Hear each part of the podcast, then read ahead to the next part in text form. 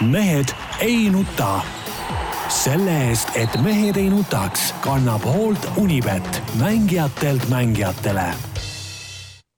tere esimest jaanuari, tere uut aastat. hurraa, head uut aastat, hurraa. head uut aastat. ja tervitan kõiki neid, kellega sai südaöösel pauku tehtud, kõvasti rakette lastud ja, ja pidu oli vägev nagu alati ja nüüd, nüüd veel vägevam siis saade otsa ja Peep, sina oledki see halb inimene, kes kõik ja, linnud ära ja, tapab. ja põhimõtteliselt ikkagi, vaata aastavahetuse ajal tuleb pauku lasta kogu see mingi absurdne hüsteeria, mis on siin no, see aasta üldse palju hüsteeriat, eks ole, nii-öelda vasakliberaalide poolt tulnud, aga noh, see kõik see, et et nüüd raketti ei tohi enam lasta, no see on ikka täitsa. ei no kuule, Aktuaalne Kaamera näitas, et tuhanded, et mitte öelda miljonid, et mitte öelda triljonid linnud äh, kukuvad surnult alla siis, kui pauku lasta, seepärast nad ei julge äh, maapinnale tulla. aga kogu aeg on lastud, mitte midagi hullu pole juhtunud no,. sellepärast mõni lind, okei okay,, saab surma vahest, ikka juhtub, eks no aga koeral sul olidki eluaeg närvid läbi. ei no koer, koer mul sai küll tõesti üks ah., üks aasta sai selle ukse. kuidas sa saad öelda, et midagi ukse piida sai ära, tead noh no on see normaalne siis? peale seda ma olen pannud ta siis nagu äh, kuuri kinni. kuule, kõrvaklapid peale, pähe. see on ka hea mõte. või kõrvatropid. ei no raketti, olgem ausad, tähendab, tähendab, ma, ma ei kiida heaks seda nende muudel päevadel raketi laskmist, seal mingi, mõni hakkab jõulude aeg laskma juba, eks ole, aga kui kell saab kaksteist, eh, kui Marju Länik laulab oma kuulsa Head uut aastat, see laulu, eks ole, siis, eh, siis peavad ikka raketid taevasse lendama, tead. Noh. sa mõtled seda või? Jah. no sealt tuleb see head uut aastat, head uut aastat, noh, see laul. no see on nagu jah, täpselt samal viisil, mis mina laulsin. Te võiksite duetti laulda nii, mehed, aasta on selja taga. aasta on selja taga. ausalt öeldes aasta oli nii ja naa, et mõtleme küll, et, et jube vägev ja hästi palju ja kõik. aasta oli kesine tegelikult. ja tegelikult oli kesine. ah kuule, nalja teete? ei tee. kus ta kesine oli? kesine. ma julgen väita, et äh, kui me nüüd Vaata, hakkame oma isegi neid teemasid reastasime, nägime, et oli kesine. jaa, aga tipp, ma julgeks väita, on ikkagi tummisem kuni mõnelgi aastal. no tipp tipuks, aga püramiidi laia ei olnud kahjuks. ja väga tugev on äh, kiire vahemängu osa, ma võin ette hoiatada no,. seda küll, jah. et ja. kui me läheme siin, Jaan muidugi sissejuhatuse jättis vahele tänasele saatele sujuvalt kohe, esimese jaanuari niisugune pohmeluses, ma saan aru. jah. mis siis seal, mis ma jõlu jäi peale tegemata või? ah, mis et, et kui me läheme siin täna oma traditsioonilise aasta, lõppenud aasta top kahekümne viie kallale, siis ma võin ette hoiatada, et kiire vahemängu top eriauhinnad on see aasta ikka, ikka nagu väga tummised ja ja sinna saamiseks tuli ikkagi silma paista päris korralikult. ja kusjuures üksteist äh, korda või kümme korda oleme me juba selle aasta toppi teinud. ma ei tea, kas Tarmo loed senise äh, kümme tšempionit nagu ette siis? ette? jaa, no esimene tšempion või esimesed tšempionid selles äh, vägevas reas on, on või olime või oleme loomulikult meie ise, ehk et aasta kaks tuhat üheksa ja mehed ei nuta, mehed ei nuta comeback oli see, mis sai topis esimese koha ja noh, esimene teadupärast on ikkagi see nii-öelda kõige tähtsam, seda ei võta meilt keegi see ära. teerajaja. küll aga peab tunnistama, et äh, järgmisel aastal ehk kahe tuhande kümnenda aasta algul oli väga väärikas äh, nii-öelda nagu järjetegija, ehk siis esimesel kohal äh, troonis Tanel Tein oma aktsioonidega Kaarsilla peal. see oli tore. see oli kõva tegelikult, see ma tahaks näha, et praegu ka need, need praegused korvpallipupujukud ka midagi teeksid vahepeal, niisugust nagu ägedat huvitav, kas nad julgevad üldse üle Kaarsilla ronida, rääkimata sellest, et sinna magama jääda? ei julge, ei usu. ei julge, jah, ei. sa oled ikka käinud üle Kaarsilla? no ma olen seal ääre peal niimoodi käinud, jah. Ei, nii haledalt. Praegu võeti vahele, aga kaks tuhat üksteist äh, äh, esikoht läks siis Andrus Veerpalule, see oli tema dopinguskandaali aasta, aasta kaks tuhat kaksteist. Kangelane oli Andres Sõber, kes lõpetas Aivar Kuusma piinad, aasta kaks tuhat kolmteist äh, ja siin oli selline kollektiivne võitja ehk et Eesti spordisüsteemne hävitamine, siin oli silmas peetud huvialaringide toetuste ja stipendiumide keelamist, siis aasta kaks tuhat neliteist samast ooperist Eesti koondise põrumine Sotši olümpial ja siis algas Ott Tänaku ajastu. kaks tuhat viisteist Ott Tänak Mehhiko järves, kaks tuhat kuusteist Ott Tänaku tagasitulek MM-sarja ja kaks tuhat seitseteist Ott Tänaku läbimurre rallimaailma tippu ja kaks tuhat kaheksateist äh, taas spordipoliitika juurde, Team Estonia, aga kõigest sümboolne käivitamine jah, sai siis esikoha. no kas seekord on Ott Tänak taas troonil tagasi, meie teame, teie veel ei tea. ma hakkan praegu mõtlema, palju neid positiivseid nii-öelda plussiga võitjaid meil on üldse. no Tanel Tein on plussiga, meie tulek on plussiga jah, no see, no Tänak oli ka plussiga, ka Tänak kaks korda oli plussiga. ja kaks plussi. Mitte see Järves käik ei olnud pluss. noh, Andres Sõber äh, oli ikkagi nagu Andres Sõbra vaatenurgast plussiga, Aivar Kuusma vaatenurgast äh, miinusega. see oli siis pluss-miinus. jah, nii et enam-vähem pooleks ikkagi. nii, aga mis me siin ikka venitame, hakkame kohe kütma ja kakskümmend viis aasta sündmust on meil kenasti kirjas ja kahekümne viies ongi uus tase, arvake kellel, tadaa, laskesuusatajatel. Ja see ei ole mitte selle nüüd nii-öelda uue hooaja järgi võetud, aga vastupidi, eelmise talve lõpu järgi, kus äh, Tuuli Toomingas sai MK-etapil neljateistkümnenda koha, Rene Tsahkna äh, oli kahekümne üheksas ja seda kõik Ameerikas, aga tänavu muide, need paari sprinterid äh, said ka kenasti viiendaks äh, tõusnud. see, see on nüüd see uus See on- jaa, aga ma, ma paneks siia vist kohe, ma arvan, juurde siia sellele mitte nii-öelda sportliku vaatenurga, vaid, vaid tegeliku põhjuse, miks laskesuusatajad, ma arvan, ka siin tabelis on, on see, et endalegi ootamatult, ma arvan, on nad avastanud ennast justkui nagu Eesti kõige rohkem tähelepanu saava talispordiala tegijate seas, ehk et kui sa nüüd paned nende taseme maailmas kõrvuti selle tähelepanuga, mida nad saavad, noh, eelkõige siis meie Rahvusringhäälingu otseülekannete ja ja, ja selle kaudu, mismoodi alati ollakse kohal, tehakse intervjuusid, ollakse tiirus, näidatakse põhimõtteliselt isegi eelviimase koha saanud laskja igat lasku sellel tablool, et siis, siis, siis siit kokku tuleb selline nagu, nagu kaks poolt kogu sellel lool. jaa, aga kui me rääkisime ennist seda, et aasta oli nagu kesine, siis selle ilmeks näide ongi see, et kui top kahekümne viies on selline, selline asi nagu, nagu MK-sarja kahekümne üheksas koht Rene Sahnalt, et see on nüüd mingi uus tase ja see on meie kahekümne viies, aasta kahekümne viies spordisündmus, siis no halloo, tere hommikut. aga see on nende uus tase, see on nende uus ei ole ju, ei ole ju, vaata Jaan, see on jälle see on noore põlvkonna uus tase. sinu järjekordne umbruum noore, noore põlvkonna uus tase. sarja punkti on Tuuli Tomingas Rene Sahkna sel hooajal saanud. sel hooajal, vaikus. jah. paus kannab nagu öeldakse. no null peaks olema no muidugi null. nojah, no nii, et noh, juba see näitab ära, et tegelikult see on täielik umbluu.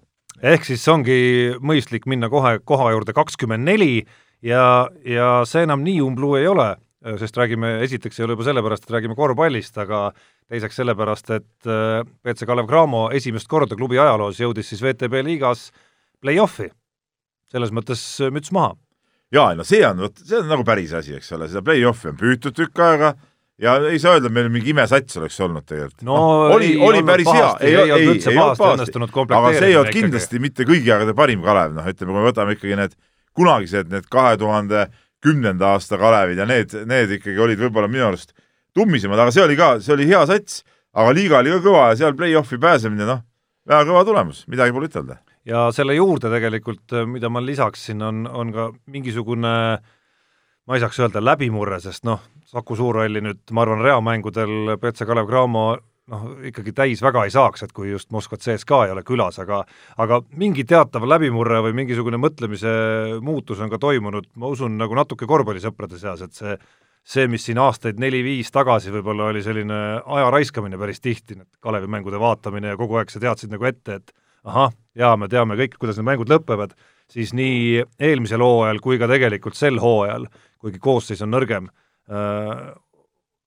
neid pessimiste on BC Kalev Cramo päris palju üllatanud. no ja võite on tulnud ja, ja ütleme, ja hea on ka see, et need Kalevi kodumängud on läinud paljuski tagasi sinna Kalevi spordihalli, ütleme.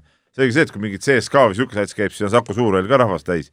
aga Kalevi spordihall on täpselt paraja suurusega, seal tekib see täissaali efekt, kaasaelamine, noh, see on selles suhtes on, on, on väga äge. aga no siin punkti all oli veel muidugi, see ei olnud ainult meil Kalevi nii-öelda punkt. jaa, et äh, kodust korvpalli ka natukene, Kalev TLÜ jõudis siis Martin Müürsepa juhtimisel äh, koduses liigas finaali ja, ja Pärnu, mis oli korvpallikaardilt kadumas tegelikult paar aastat tagasi, jõudis medalini.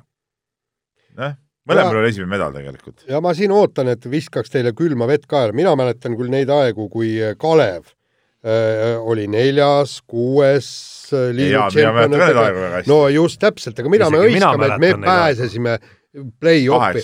kuule, liidu tšempionaadil. aga mina mäletan ka seda aega, kui Kalev oli esiliiga kõige muda, mudamast mudav. aga vaata, Peep, sealt oli võimalik ja tegelikult oli sealt juba näha, et vaikselt on võimalik mina seda sealt ka välja, mina seda esiliigast ka välja kukkumas, Olid. kui Toomiste ja Reigan poleks imemänguga ennast välja tassinud, ma mäletan seda raadioreportaaži väga hästi. just, ja aga, aga sealt oli võimalik tõusta ja kui hakkasid uued mehed, uus põlvkond peale tulema, Sokk, Kuusmaa, Metstak, kõik, kes see oli.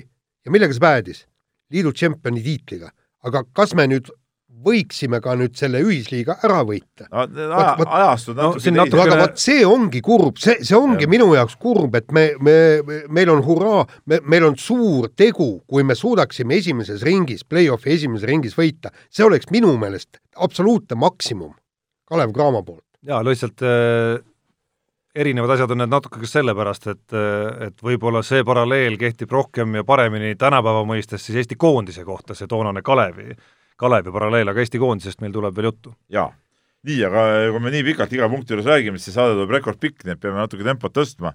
ja koht kakskümmend kolm, Kostja tuli, nägi ja võitis ja Kostja on siis loomulikult meie legendaarne Konstantin Vassiljev, naases siis Poolast eh, nii-öelda poolpuhkuselt eh, tagasi Eestisse, FC Florasse ja, ja tuli Floraga Eesti jalgpalli tšempioniks, noh selge see, et eh, küsimus on muidugi õhku, et miks, miks seal Poolas tal see lõpp niuke oli, nagu ta oli, vähemalt siin Eesti liigas, ta mängis küll suurepäraselt ja ka koondiseski näitas päris häid mänge tegelikult.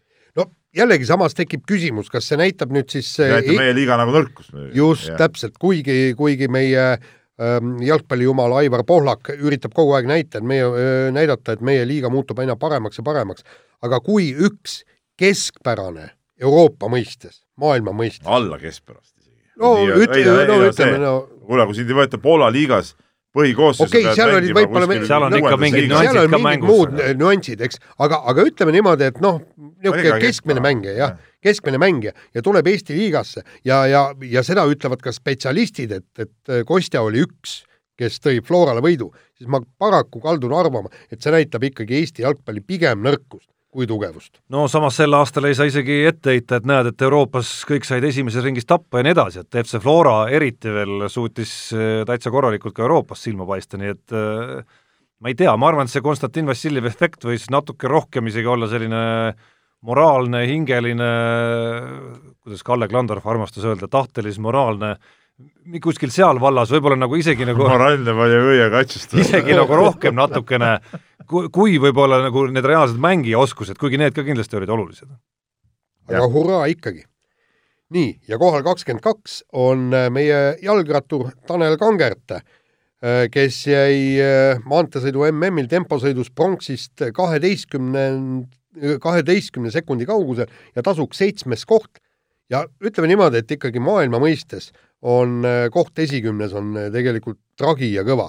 ja kui me vaatame kõik meie jalgratturid, keda me oleme pidanud äh, nii-öelda kõvadeks meesteks, vähemalt Eesti mõistes ja mingil määral ka maailma mõistes, praktiliselt kõik on suutnud ennast esikümnesse pressida tiitlivõistlustel, MM või olümpia. Tanel Kangert suisa kaks korda, eks, olümpial oli üheksas. ainult Rein Taaramäe, temal on see asi veel tegemata, nii et ma loodan, et, et ta teeb oli ka selle ja ta oli äh, Sö- Sölderis Belgias seitsmes aa, ma mäletan, et äh, Jah. Lauri Aus ja Aug ja need olid seal ühel olümpial ju viies ja seitsmes või kes seal olid? Aug ei olnud, aga või Kodanipark. Jah, vist jah, oli, jah, jah. jah. et noh, ütleme kõrgeid kohti on, aga jalgrattaspordis see, see seitsmes koht jääb äh, kuidagi nagu ütleme, võrreldes mõne muu spordialaga täiesti märkamatuks tegelikult, noh. okei okay,, eraldi stardis veel seal on nagu kuidagi nagu näha, aga grupisõidus näiteks sa oled seitsmes, noh, kõik tuleb vuhti sealt läbi, keegi aru ei saa, seitsmes, kaheksas, üheksas või, või kahekümne kaheksas, no mingit vahet ei ole. jah, siin lihtsalt äh, konkreetselt Tanel Kangerti puhul minu arust see, mis kuidagi andis väikest vürtsi juurde, on see, et A, siin on kaksteist sekundit, millest me räägime Jah, ainult, ja B, me räägime sellest, et aasta pärast on olümpia, kus, kus mulle tundus Tanel Kangerti enda jutu ja oleku järgi on tal ka täitsa mõttes äh, just see ala väga sihikule seada. Mis juhtuks siis, kui Tanel Kangert tõesti hakkaks keskenduma eraldi stardile, nagu mitmed öö, jalgratturid öö, maailmas ka teevad, eks temal seda võimalust ei ole. et noh, võib-olla ta peaks vaatama mingisugusel karjää-, karjääri lõpu aastatel võta tõesti aeg maha ja, ja pool aastat lihtsalt treenida seda ja eesmärgiga äkki õnnestub äh, tiitlivõistlustel MM-il, olümpial medal võita. võiks ju olla. koht number kakskümmend üks äh, räägib meil mitmest pallimängukoondisest ja sisaldab endas ka omajagu värsket äh, uudist, nimelt siis äh, oleme seisus, kus nii Eesti meeste korvpallikoondis kui ka meeste ja naiste võrkpallikoondised on saanud välismaalasest peatreenerid. no täielik jama muidugi, täielik jama, kuigi ütleme nii, et siin on, no minu kindel seisukoht on see, et äh, Eesti koondises, Eestis on piisavalt treenereid, et nad võiks, koondise peatreener võiks olla ka eestlane. me oleks saanud korvpallikoondises normaalse peatreeneri, küll me oleks võrkpallis ka leidnud aga mis nüüd näitab nagu okei okay,, kui välismaalast võeti nagu tasemevahe, eks ole, mul üks hea sõber siin ka paar päeva tagasi, just kui see uudis tuli välja, äh, just märkis ära selle, et, et äh, võrkpallurid tõid ikkagi nagu ütleme, maailma tippriikides tipptasemel treenerid. pisut uskumatu. ja uskumatu, siis kor-, korvpallurid toovad soomlasena. ja võib-olla see soomlane on muidugi tore mees, no, sõna, seda, seda me näeme. sõna soomlane ja. muidugi kõlab ka kuidagi selliselt äh, nagu ma ei tea, nagu- üheksakümnendate nagu, jäänud. no jaa, ei, ma saan aru, jaa, ma räägingi aga noh, see ikka, aga see ikkagi mulje jääbki sellisena. no mulje jääb selline. no on ka kõvasid äh, Soome treenereid.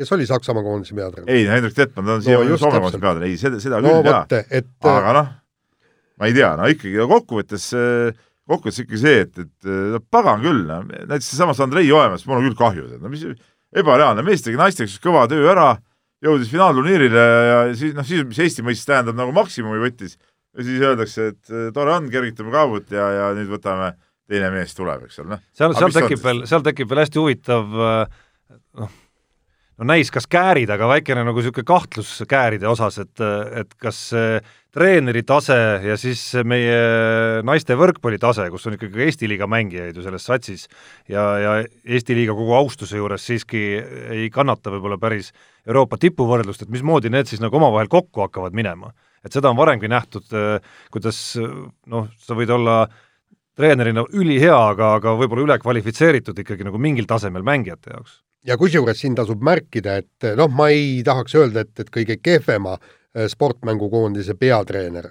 äh, sellepärast et käsipall on veelgi kehvem, aga jalgpallikoondise peatreener, nemad leiavad, et eestlasele on see paslik koht. kuigi, kui nii nüüd teoorias võtta, eks siis võiks just neil olla väljamaalased. jaa, samas ütleme, ma pean tunnistama, et vaatamata oma olematutele tulemustele teeb Jalgpalliliit vähemalt paljusid asju nagu õigesti, palju õigemini kui need siin muud alaliidud. nii, aga raske aasta oli kaks tuhat üheksateist Mart Seimi jaoks, meie tõstja jaoks, aasta, mis oli täis vigastusi ja, ja tekitab ka palju küsimärke tuleviku suhtes, ehk siis järgmise suve olümpia kohta tal veel ju ei ole tegelikult, et ta peab hakkama seda püüdma, samas on küsimus sees, et kuidas terveks saada oma vigastust hädadest, et, et et midagi, midagi lihtsat siin ei ole ja, ja, ja ega me praegu täpselt ei teagi, kas me Mart Seimi tohkas näeme või ei näe. ja see on teine küsimus, on üks asi on, et kuidas terveks saada, aga teine ja palju olulisem küsimus on, kuidas mitte katki minna. uuesti, jah, täpselt, jah. ja, ja, ja, ja ka need eelmised vigastused, ega me tegelikult ei tea, millest need on tulnud.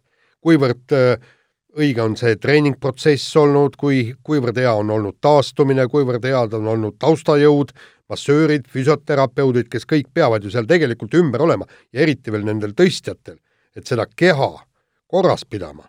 see, see on ju räme, mida nad teevad nii treeningutel kui ka võistlustel, see ei ole normaalne.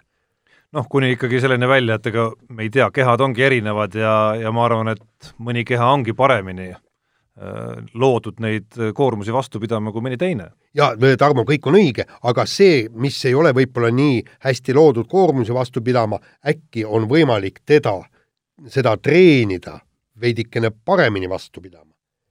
et si-, siin ju, siin ju ei tea tegelikult, ütleme niimoodi, et, et me praegu räägime asjast, mida me tõesti ei tunne, aga selleks, et seda tunda, sa pead olema punkt üks spetsialist, punkt kaks, vaatama kõik treeningplaanid läbi ja punkt kolm, viibima kenasti treen-, treeningprotsessi juures ja jälgima seda, mis seal tehakse. mis on ka, ma arvan, hea ajend minna koha juurde number üheksateist, Jaan? Number üheksateist koht, ehk siis me oleme uues kümnes, nagu me oleme nüüd ka uues kümnendis, eks ju, aastate põhjal, nii Eesti vehklejate natuke oskab ikka nagu kalambuurid seda. oota, Jaan, kas sel aastal hakkab seitsmes kümme jooksma või? Sinul hakkab kuuest kümme Ja jooksma minu hakkab, jah. teada. Jaanil hakkab seitsmest kümme jooksma. ja ei sa ei pidanud nagu seda minu detaili praegu välja tooma, praegu ma nagu, see püss oli nagu Jaani poole kuule, aga see, see oli valus praegu, kurat hakata mõtlema seitsmest kümme, kuigi ta ei ole veel seitsekümmend. no jaa, aga no ja ei, seitsmest ei, kümme. ma saan aru jah. nii siis on, kümme aastat ja kaheksas kümme, jah, jah. kurat, kui nii kaua elaks, siis oleks jube äge. jaa, aga samas äh, alles üks päev oli film televiisorist äh, Tõnis Mägist, ma ei tea, kas keegi sattus vaatama ei või sattunud vaatama. et äh, ma mäletan, et ma mingi aeg tagasi nagu väikese ehmatusega ikka avastasin, et oot-oot, et Tõnis Mägi on juba üle seitsmekümne ja aga väga hästi säilinud. ja väga hästi säilinud, nii et Jaan, sa aga mis ma tahan, siia vahe, vähe, väike vahepõige lihtsalt selle spordijutule. sa viisid jutu filmi peale ja ma äh, siin jõulude ajal õnnestus mul näha, ma ei käinud kinos vaatamas ja nüüd ma kahetsen seda, ma kujutan ette, et see kinolinal oleks olnud see äh, veel vägevam elamus äh,. nägin selle filmi, see Eia jõulu äh, Tondikakul. tondikakul jah, jah, Eia, Eia jõulud tondikakul jah. no suurepärane film, suurepärane film, ma ütlen, oled näinud või? jaa, Liis Lemsalu meeldis sulle, ma saan aru. ei no Liis Lemsalu meeldis ka jah, aga mulle meeldis lihtsalt see film ja mina ikka nagu, nagu maa, maamees ja, ja, ja metsas palju ise ka ringi kolistanud, et seal need vaated vägevad ja ja üldse nagu et Eestis tehtud siuke äge jõulufilm, väga, väga kihvt, väga kihvt. et selle eest ma annan eripreemiad. jah, anname eripreemia. nii, vaata, kus ikkagi kuskil on ikkagi selle karuse pinna all on Jaan Ei, süda. on olemas ikkagi nagu seal need, tundeline, seal ju tundeline noor mees. ju- ilusad need loomad kõik, see on muidugi hästi kokku pandud seal, metsatraktor sõidab ja siis mingi kits seal vaatab, no ebareaalne muidugi, et seda samas ei no kõrval, jah, ma kõrval vaatab, aga lisaks nad käisid kõik väga peened, peente linnariietega enamik seal ka on- mööda metsa jah, seda ringi. küll jah, aga iseenesest ikkagi oli äge. aga sul pisara ikka võttis lahti mingil kohal või? ei ta ei võtnud, aga no ütleme, et oli seal oli ka härra, oli ka härrashetk sees nagu ütleme niimoodi, jah, nii, härrahetk. koht number üheksateist. koht number üheksateist, Eesti vehklejate medalivaba aasta ja mis oli tegelikult oli noh, ennustamatu, sellepärast et aasta varem Euroopa meistrivõistlustel kolmikvõit, võideti muidki medaleid äh,. oldi tõesti noh, ütleme niimoodi jube heas hoos ja me ei saa äh, ku kuidagi öelda, et meie vehklejad oleks vanad. vastupidi, nii äh, Erika Kirpu kui Julia Beljajeva, rääkimata Katrin Aleisest üle, üle-eelmise aasta Euroopa meistrist on ju, nemad on ju oma parimas vehklemiseas. Mehed tegid tegusid äh, aga mehed, mehed olidki EM-il ka seekord tublid ju, ja aga neljas koht neljas koht jah. ja, ja muidugi oska, oskasid Taanile ära väristada ja kõik nii, aga tegelikult ja, ja jällegi, eks kõik hakkavad rääkima, et ei no mis, et noh, et see on vehklemine, et, et see oligi põhjus, et miks me, miks me midagi ei võitnud, et korrad võidad. enesepettus, see enesepettus. absoluutselt minu meelest ka, ei noh, tähendab niisugust asja ei saa, kõige lihtsam on ju öelda, et aga see ongi vehklemine, noh, aga see on korvpall jaa, täpselt. täna paned sisse, ühe viskad sisse ja siis viska ja, ja nii ongi noh. sul Keilas ongi nii kogu aeg seal, annad aru vallale ja siis ütled, annadki, ütled selle noh. nii ongi jah, täna ei läinud sisse, paha lugu tead, Andke raha. andke kümme tuhat, et noh. ja ei no ma tulen ka sinu Lähme juurde, sõidame järgmine kord jälle kuskile, vaatame, kas saame sisse või ei saa. noh. mõni, mõni, mõni päev õnnestub pall on ümmargune noh. jah, ja põhimõtteliselt mõnikord õnnestub äh, artikkel kirjutada, mõnikord ei õnnestu ja noh, lihtsalt tuleb välja noh. Maksa palka, aasta algul, kuu algul on palgapäev ja siis vaatame uuesti, proovime. ei, aga tegelikult äh, ütleme nii, et, et äh, seal võib ka põhjus olla see, et, et mu- muututi liiga mugavaks, liiga enesekindlaks, eks me oleme siit paremalt-vasakult kuulnud, et kui palju neid nüüd välislaagrites käidi ja kuivõrd tõsiselt nendesse treeningutesse suhtuti, et seal ikkagi mingid probleemid on. sellepärast, kui sa oled ikkagi vähemalt Euroopaga maailma tipus, siis ei saa olla kukkumine nii, et, et no sa ei jõua medalimatšinigi. aga minu arust see on nüüd küll hoopis see koht, kus päriselt sobiks öelda, et et oot-oot, vaadake nüüd, kui ala see vehklemine on, et et kust saab sellel alal tekkida selline mugavus, millele sa vihjad siin. ei no mugavus tekib seal ei sellepärast, saa ju, ei saa ju tekkida, kuna sa noh, see, see on nii väikesest asjast kinni, et sa ühel aastal ei võida äkki mitte midagi enam. ei no aga see on sellest kinni, et näed, et ma võidan, ma olen nii kõva, mul ei olegi vaja laagrites käia, mul ei ole vajagi äh, nii ma- palju trenni niisamagi teha jah. no Jah, jah täpselt. aga võib-olla siin jääb puudu ikkagi äh, peatreenerist pead olema karmim noh. ei no peatreener ei treeni neid ju. ei, aga laagrit suhtes, tuled ja kõik, ja ei ka. tuled ja kõik, eks ole, teeme Noh. siin, mina määran sinna, siin on laager, laager, laager ja tulete kõik ja teete selle ära, noh. väga lihtne. teisalt jälle ma ütlen, oli muidugi õige, et olümpia, vaatamata nendele ütleme, kesistele tulemustele ebaõnnestunud aastale vahetult enne olümpiat ei hakatud treenerit vahetama. see oleks võib-olla ka hea olnud. kindlasti et tuleks risk oleks olnud liiga suur. et, et praegu nüüd ikka olümpiani tuleks ikkagi minna äh, samamoodi edasi. no põhimõtteliselt nüüd on vist kolm MK-etappi jäänud ja, ja nüüd seal kui tuleb ikka samas välja, et- ütled sa sama ka siis, kui nad äkki jäävadki olümpialt eemale. ei, siis on nagu neli, uus neli aastat vanasti meil oli viis ei, ma mõtlen, aastat. kas sa siis tagantjärele ikkagi ei tule ise sellesama jutuga, et jaa, aga näed, see oli praegu ikkagi vale otsus. ikkagi tundub, et praegu see ikkagi on õige otsus, kui, aga treener peab muidugi ise võtma ka vastu mõistlikke otsuseid, mitte, mitte plähmerdama. jaa, aga sama, samas teine küsimus on see, et näidake Ka- Kaido Kaaberma kõrval kandidaati. vot see ongi see jutt, et mingid ringkonnad nõuavad uut peatreenerit, kes? Näidake mulle, kes? välismaalt. ei, mis välismaa, me no, vehklemistreener küll ju. kus me need vehklejad, head vehklejad tulevad, kui treenerit poleks? no just. ei no see ei tähenda, et ei või välismaalt kedagi võtta, kui ei saada kui omavahel ei saada kokkuleppele siin. võtma jälle välismaalt, kui meil on omad inimesed olemas no.. miks me ei või võtta välismaalt? seepärast, et Eesti koondis tähendab Eesti inimesi no väga lihtne. ma jään selle, selles osas eriarvamusele, aga mul on vale arvamus. on kas Peebu arvamus või vale arvamus, jah. et noh, sa saad ise ka aru, kui keeruline on äh, siin Eestis nende suhete juures kedagi äh,, kedagi siin, no see, see ring on ikka nii väike tänu sellele, et siin kõik oma omavahel kuradi suhted suhted ükskord ära, no mida te jamate. no ei suuda unustada. no kuidas ei suuda, no kuidas ei suuda, noh. ma võin täna saata Jaani eh, sinna samusesse, eks ole, pikalt, no ega siis viie minuti pärast lähme koos lõunat sööma, mis on siis, mis ikkagi asjad käivad ja kümne minuti pärast saadan mina Uuesti. siin veelgi sügavamale. Jaa, aga mul on tunne, et seal on inimesi, kes ei ole ei võimelised saa olla nii, sellised Pepsid ja nagu pisvinn tagumikust kogu aeg, ah mul ei sobi see ja see inimene toob, unustage ära, tead. hakake normaalselt üksteisega suhtlema ja istuge maha, võtke, võtke leerid, istuge maha, võtke liiter ette, nii, enne välja ei tule, kui vaja, toote peale, enne välja ei tule, asi klaar, noh, lihtne.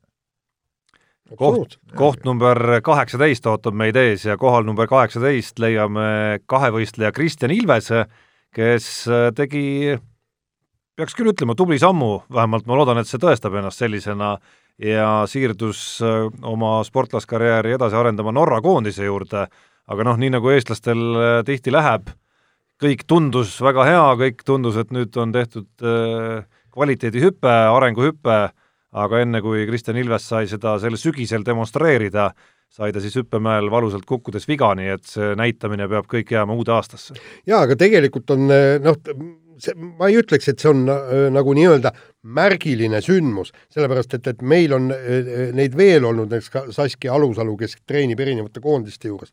aga juba aastaid tagasi meie äh, olümpiakomitees, äkki oli see siis, kas oli Martti Raju vist, kes äh, andis väga hea soovituse, tõesti minge ja treenige ja proovige harjutada vä välismaal, nagu teeb Gregor Tsirk, eks ju ja, ja nagu nüüd Kristjan Ilves, sellepärast et Eestis ei ole neid võimalusi.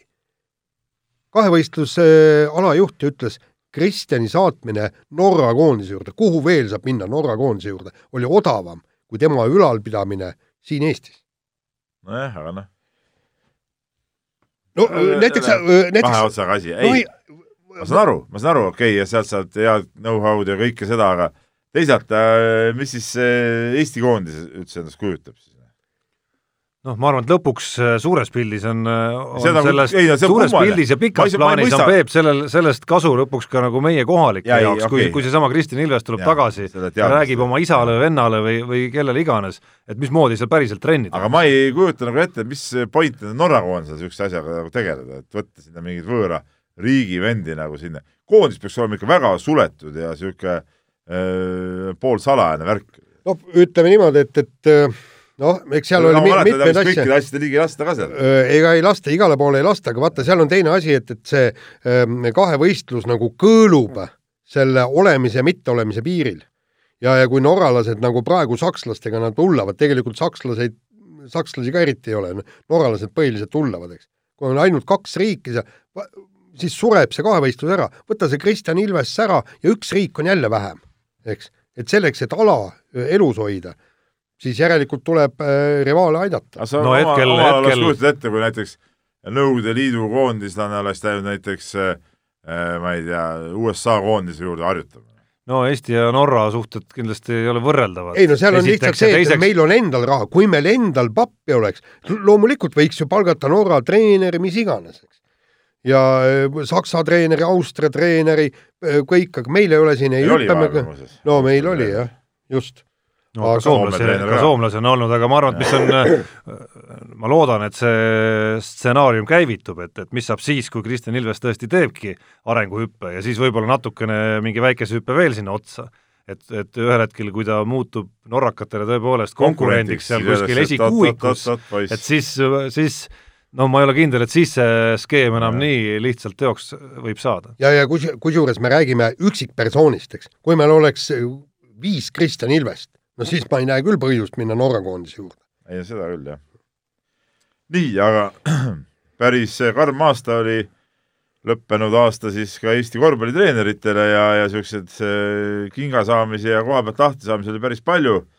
kõigepealt Aivar Kuusma äh, lõpetas siis jaanuaris töö Rapla meeskonna juures, pärast tuli välja, et seal oli üks uss, kes äh, ta sealt välja sõi, mis ta siin intervjuus rääkis, siis Gerd Kullamäe jaoks oli nagu topelt keeruline aasta, kõigepealt ka aasta alguses siis Kalev TLÜ-st äh, lahkumine ja, ja lõpuks nüüd äh, detsembris ka uuest koduklubist TalTechist äh, lahkumine ja lisaks sellele siis suure hurraaga Venemaale Jekaterinburgi läinud, Jekaterinburgi läinud Alar Varrak sai töötada mõned kuud ja, ja sai sealt ka ametist priiks ja on nüüd, on nüüd kodus tagasi, nii et kui need ei ole see treenerite leib kerge. et kui need nüüd niimoodi veel äh, pookida ühte kimpu, nagu me oleme nad praegu nagu pannud, siis kui mõelda, Peep, siis see on ju tegelikult selline treenerite kolmik, kes äh, ma ei tea, aastaid äh, kaks-kolm-neli tagasi oli selline nagu Eesti treenerite kodune koorekiht ikkagi, sellised peakandidaadid, Tiit Soku, mantlipärija äh, kohale koondises,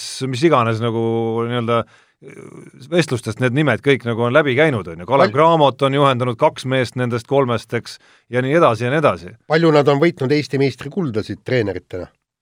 no mõned Kullamäe on ju ka ja võitnud. Ei, no ikka ikka. no just et, et nagu selline üks plejaad ühel ajal enam-vähem nagu tõusnud pildile ja, ja nüüd suhteliselt ühel ajal äkki kadumas ka pildilt ära. selles suhtes ma olen kindel, et ütleme, kõik need kolm nüüd kindlasti pildilt ei kao. Kindlasti nad ei kao pildilt ja, ja, ja võib-olla okei okay, siin mingiks ajaks mulle tundub, et Gerd Kullamäel on sellest ametist äh, kergelt villand või noh, tundus nagu, et ei hakanud see asjad jooksma ja seda emotsiooni ja asja ei olnud. aga näiteks äh, ei Alar Varrak kindlasti ei kavatse se- selle tööga lõpetada, olen ta, temaga ise rääkinud nendel teemadel ja ma arvan, ka Aivar Kuusma tegelikult, mis ta muidu sellest Kadrinast võttis ja päris kõvasti esiliigas hakkas järsku põrutama, eks ole, et, et eh, hoiab ennast ka nii-öelda soojas, et et ei, need, need mehed ei kao kuskile, ma arvan. hüppame koha juurde number kuusteist, Jaan. kuusteist, see on mina jah, okei okay., see on ainukene välissündmus, mis meil äh, siia toppi sisse pugenud on. aga ainult seetõttu, et tegemist on nagu ka poole Eestiga, noh, kaheksakümmend kilomeetrit. üks ja sama, üks ja sama vesi lahutab. just ja Soome koondis äh, võitis jäähoki MM-il kulla ja äh, pääses jalgpallikoondis äh, EM-i finaalturniirile, kusjuures nad siiamaani vaidlevad, et kumb on kõvem sündmus. sellepärast, et hokikuldasid on neil ka varem olnud, aga jalgpalli EM-ile ja kuhugi finaalturniirile pole nad pääsenud. kusjuures tegelikult, Peep, mäletad, see hokikuld oli ikkagi paras üllatus küll, neil oli vist kaks NHL-i venda ainult. ei, see oli väga suur üllatus. jah, see oli ikka võimas see asi. tuli ikka nagu isegi ma ütleks, et see ei ole liialdus, kui öelda, et see tuli nagu tühja koha pealt täitsa, kui mõelda, keda seal, kuidas seal venelastest räägiti ja, ja mida kõike veel. ja öö, nende kapten kolmkümmend pluss mees, kes, kes ei ole ennem Antila. Mörö, kes ei ole varem nagu silma paistnud, poolfinaalis, finaalis, täiesti uhked väravad. uhked väravad, vend tegi mängu ära. aga no täpselt sama võib ka öelda jalgpalli kohta. No neil on mitu väga head venda, eks, et Teemu Pukki ja Hradetski on väravavaht, eks, ja, ja seal on veel niisugune pooltegijaid ka ja nemad nüüd suutsid ikkagi ennast sinna finaalturniirile välja vedada, kusjuures need paremad põlvkonnad Litmaneniga, Hüübiaga, näed, ei suutnud vot mul seda. selle, mul selle Soome jalgpalli sinna finaalturniirile, finaalturniirile jõudmisega nagu mingit emotsiooni ausalt öeldes ei tekkinud. küll selle hokiga tekkis küll, sest hokit ma jälgisin ikkagi mm, minu jaoks on hoki mm alati üks aasta niisuguseid olulisemaid sündmusi. Et seda ma jälgisin tähelepanelikult ja seal oli seda emotsiooni kõvasti, jalka kuidagi jah, ei mul loomulikult mul hea meel, et nad said ja, ja, ja tore, aga, aga see nagu noh, minus isiklikult mingit asiotaaži ei tekkinud küll, aga ma saan aru, soomlastes endis nagu tekitas küll, aga aga, aga noh, ei noh, võrreldes Eestiga jälle on ikkagi jälle see nagu teise, mitu valgusaastat on nagu vahet kogu nendes pallimängunduses, noh. no natuke, kui jalkast rääkida, siis sa loetle-, loetlesid, Jaan, neid säravamaid nimesid ette Soome koondisest, et et see on ka mõnes mõttes selline selline loetelu nimedest, mis paneb meile ikkagi ka mingi lati nagu ette, et, et kus, mis tasemel mängumehi sul peab olema, et ise ka see latt ükskord ületada, et, et midagi ei ole teha. meil, meil siiski hetkel napib. ja, ja kui ma tooks, tuleks korraks veel Oki juurde tagasi, mis nimed neil Okis veel on, keda siin MM-il ju polnud, eks ole NHL on täis ülitipptasemel äh, Soome hokimehi, väga kõvasid vendi. ütleme niimoodi. alati neid olnud, aga praegu ikka see noor põlvkond on ju kõik seal ju kanda kinnitanud tegelikult. ütleme niimoodi, et, et äh, kui nii mõelda, siis teeb tegelikult kadedaks. Äh, Ragnar Klavan valiti, mis ta oli, kas seitsmendat, kaheksandat korda Eesti parimaks jalgpalluriks. ta, ta on jube, jube tore poiss, eks mängis Liverpoolis, nüüd on Äh, Itaalias äh, mängib. Sami Hüübia oli Liverpooli kapten, kui te mäletate. jaa, mäletame no,. Et, et see on ikkagi natuke teine tase. hüppame koha juurde number viisteist ja räägime siin jälle sellisest meie suhtes ikkagi nurjumise aastast ja teemaks tulevad sõudjad. jälle välistreener ehk siis Eesti neljapaat jäi maailmameistrivõistlustel B-finaalis viimaseks, EM-il peast ei mäleta, aga põrusid põhimõtteliselt veel rohkem, EOK palgast jäädi ilma, olümpiapiletit veel ei ole, küll räägiti seal vist kergemast aerust ja ma ei tea, mis kõike veel, lõpuks lõppes siis ka treener Mati Killingu ajastu, Püha Lehm sai uue treeneri, soomlane Veiko Sinisalu ja ja küsimus on, kas siit on veel olümpiaks välja ronimist või mitte no teoreetiline võimalus ju on. teoreetiline on ja esimesed märgid ütlevad, et sa võid küll, Peep, kritiseerida välistreenerit, aga vähemalt äh, räägib õiget juttu, sama mida sa isegi siin saates oled rääkinud, ühistreeningutest ja mida kõike veel. seda küll jaa, aga noh, Eesti treenerid siis ei oleks seda juttu rääkinud, arvad? no ega no, ei rääkinudki. ei no aga ei seal, seal oligi, Mati Killing ju ütles ise ka, tunnistas ju, et, et ta muutus natukene pehmeks ja liiga palju järeleandmisi tehti meestele ja kõik ja ja äh, kui Tõnu Hendrikson rääkis, et kuulge mehed, hakake ükskord lõpuks trenni tegema, siis ma sügavalt Äh, loodan, et äh, see Soome treener panebki mehed no nii tööle, et, et ikka tehakse seda tööd. no see näitab ju ka meeste endi tontlikkust, kui nad ei, ütleme äh, ilma mingi välismaalasest treeneri sundi, treeneri sundimiseta ei suuda ise leida endas seda motivatsiooni maksimaalselt pingutada. jaa, Peep, aga no selle loogika järgi poleks sind ka vaja sinna Keila korvpallimeeskonna etteotsa, et äh, ei, küll mängijad ei, ise no., küll mängijad ise kõik nagu ära teevad ikkagi. ei, ei no seda küll. sa, sa, sa näed ju kas või ka sellel, sa näed ka sellel alal, Peep, kuidas vaja. on, kuidas on vahe olemas, kas sul on Alar Varrak seal või siis tuleb välismaalt Donaldas Kairis ja äkitselt on meeskonnas uued reeglid, hoopis teine kord äh, ja äkitselt tuleb ka teistsugune tulemus et miski, noh, küsimus ei ole ainult, kas sa oled välismaalane või eestlane, aga treenerid ongi erinevad. kuule, aga või... ja, ja tihtilugu välismaalasel on võib-olla lihtsam tulla nii-öelda karmi käega või vastupidi, sellel kodumaisel äh, vennal on natukene lihtsam muutuda pehmemaks. no vaata, aga see, äh, seal nüüd ei, ei tea, vaata, jällegi võib-olla va vajuta ära mugavustsooni. ma miskipärast arvan, et seal ei olnud niimoodi, et, et vennad panid lõhkusid trenni nagu meeletult ja ühel hetkel hakkasid mobiiltelefoni keset, keset treeningut näppima et kõik see oli ka varem. noh, võib-olla väiksemal määral oli kõik, aga siis olümpial saadi pronks, MM-il saadi pronks, pronks, vaadati, et mis ma tõmblen. rahulikult. tulemused tulevad? tulevad, tulevad, medalid tulevad, papp tuleb EOK-lt ja, ja, ja vot siis lasti see rihm ikkagi väga lõdvaks. vot see võib olla probleem. nii, aga äh, ütleme, kui me räägime siin välistreeneritest, kes on tulnud Eestisse on ka äh, treenerid, kes on äh, välismaal, Eesti treenerid, kes on välismaal nii-öelda välistreeneri rollis ja, ja selle tööga ideaalselt hakkama saanud ja üks, ma pakun välja, ma annaks välja ka eriauhinna, et selle aasta kõige alahinnatum saavutus Eesti spordis on Rivo Vesik, kes viis siis Venemaa rannavoolepaari Oleg Stojanovski, Vjatšeslav Krasilnikov maailmameistriteks rannavoolest no.. halloo, ülikõva ju, olümpiaala maailmameistrid, Eesti mees treenis, no ja, hakka raamatut kirjutama. ja, ja seal on ju see, et, et meil on suur Venemaa, millel pappi on Otti Too, eks ja. ju. Nad võiksid palgata brasiillasest treeneri, kes on äh, rannavõrkpallis kindlasti tegija. Oleks võinud Itaaliast palgata või Saksamaalt või no kuskilt täpselt, noh. aga võtavad e Eestist, eks ju. ja, järelikult on hea mees, noh. no absoluutselt, noh, seal, seal ei saa nagu olla mitte mingisugust, aga, aga, aga tead, ega, ega me oleme ka, eks ta ole ise ka tagasihoidlik, eks me oleme ka võib-olla see no, natuke pullimees ja niisugune, no tore mees, eks ole.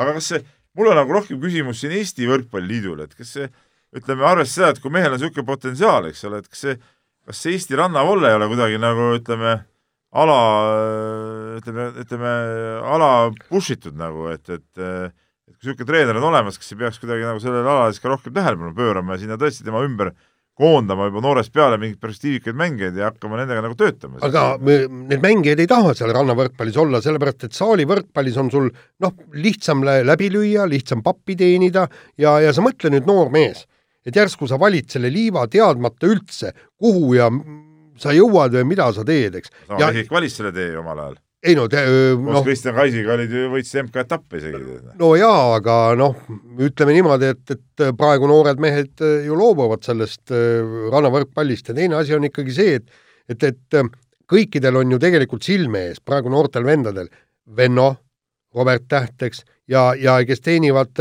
väga tugevates klubides päris korralikku palka, on ju, eks. ja, ja need on neil nagu nii-öelda eesmärgid ja kõik samas praegu ei ole meil ühtegi vesikut, et kes võiks olla eeskujuks, keda noored vaatavad, ohoo, näed, ma tahaks jõuda ka sama kaugele, jõuda olümpiale. noored, noored ei mäleta, et vesik mängisid? noh, vaevalt, nad ei mäleta üleeilset päevagi. aga koht number kolmteist? koht number kolmteist, eh, niisugune õnnetu number ja, ja number. tegelikult, tegelikult see näitab põlvkonnade erinevust, et on võitjate põlvkond ja mitte nii väga võitjate põlvkond. Indrek Visnapuu patustas alkoholiga kuskil eh, lennukis lennates, hakkas seal mängijaid segama, tülitama, seal oli veel teist lihtsalt lennukis lennates, vaid ikka üsna tähtsale turniirile sõideti no,. EM-ile e. EM-ile, eks. kui üks mees patustab alkoholiga, siis ta läheb kaarsillale magama, aga ta on ka noh, nii-öelda tegija. sama põlvkonna mehed on muidugi, päris aus olla, jah. on Visnap on äh, aasta vist on neil sünniaastal no, no see on juba piisavalt Aa, palju okay., see on juba piisavalt palju. aga jah, et ühed on tegijad, teised Süüt, ei ole tegijad. või, või olid samad isegi või no, no vahet ei ole. jaa, aga, aga tasemevahe on ikkagi, et aga, aga sa... ma võin sulle öelda, Indrek Visnap on vanem veel kui Tanel Tein. no vot, seda ma räägingi. seitsekümmend kuus mitte ei ole, Tein seitsekümmend seitse, jah. Tein vist seitsekümmend kaheksa Nonii, okei, nii, aga no vahe, vahet ei ole, aga ta, tasemevahe ikkagi. ütleme niimoodi, et, et Tanel Tein pruukis seda hundiala vett, ma arvan, et siis, kui ta ei, ei olnud tööle minemas või ei olnud tööd tegemas. no äh, ei noh, no selles suhtes küll jaa, aga ütleme, kogu see asi kukkus ikka tobedalt nagu välja. ei no asi ei olnud äh tobe on veel üsna pehme sõna no, minu arust kasutada, kasutada Eesti noortekoondise peatreeneri kohta, kes äh, aasta kõige tähtsamale turniirile sõites on äh, ebaadekvaatses olekus, täpsemalt öeldes alkoholijoobes ja, ja asub seal muuhulgas noh, ma ei saa öelda võib-olla tüli norima, aga mingis mõttes äh, mingis mõttes kaudsemas mõttes isegi võib-olla seal oma meeskonna mõne liidermängijaga tüli norima, et noh, see, see, see, siin nagu tobedusest läheb asi kaug-, kaugele, et muidu võiks see olla meil kuskil kiire vahemängu rubriigis ja ihihi ja ahahaa, aga antud juhul ja mul on hea meel tegelikult, et et korvpalliliit selle joone lõpuks ka võttis, kui, mis puudutab karistamist ja, ja mitte, et mul Indrek Visnapuu vastu isiklikult midagi oleks, aga see spordidirektori amet, kuhu Indrek Visnapuu oli justkui nagu määratud äh, asuma äh,, tundus selle olukorra ja selle, selle teo järel, ma isegi täpsustaks, mitte olukorra, vaid teo järel, see on ikkagi nagu teadlik tegu inimesel ja otsus seda teha, see alkohol endale sisse võtta sellises, sellisel hetkel ja sellises kohas, see oli siiski välistatud. aga mis nüüd edasi, kas, Peep, ütle sina, kas niisugune vend saaks olla nüüd tulevikus ka vähemalt treener, kas ta madalama taseme treener, võib-olla lastetreener saaks olla, kas ta saaks veel proovida koondise juures kuskil noortekoondise treeneri no,? ega Visnapuu ei ole ju korvpallis, Eesti korvpallis kuhugi kadunud, et ta praegu teeb korvpalliliidus ka teatud lepingulist äh, tööd seal arendusprojektide juures ja ja, ja, ja miks ta ei saa siis olla treener, see on, see on ju täitsa umbluu. Äh, ma arvan jah, võib-olla, võib-olla lähiajal noorte satside juures võib-olla noh, võib-olla ei ole võib-olla päris hea, aga, aga ütleme, mingite meeste võistkondade juures ma ei näe küll nagu mingit takistust, et no mis meil on siis mees libastuskorra, mis me peame siis tal nagu äh, käe otsast ära Peep raiuma., nagu, nagu Tarmo ütles, see oli teadlik tegevus, ta istus äh, lennukisse Ei no-, ei no- eel jaa, hakkasid juba no- vaikselt no see tinti ju- panema jaa, ei ma ütlesin küll, aga kindlasti ma siin see üt- nagu on jamps no, ju noh. no ütleme niimoodi, kas sina kaaniksid enne, ennast täis, enne kui te turniirile sõidate, hakata, hakkaksid lennukis seal äh, lolli juttu ajama või? ei no jah, vaata Jaan, eks need asjad on nii, et äh, ja noh, eks kõik treenerid teavad, et äh, seal turniiridel ja kohtades juhtub ka igast asju aeg-ajalt, et noh, mis seal ikka noh, nii need asjad on lihtsalt noh. ja, ja ja, ja ei loomulikult, ega ma ei kiida heaks ja, ja, ja ei ütle, et et jess, Visna, et hästi panid, kindlasti mitte, ma arvan, ega ta ise ka seda, seda ju niimoodi ei võta, no ma olen temaga rääkinud mitu korda pärast seda vestelnud ja ja, ja, ja ega ta ei ole ju ise ka õnnelik, et see asi nii läks, aga no läks siis läks, noh.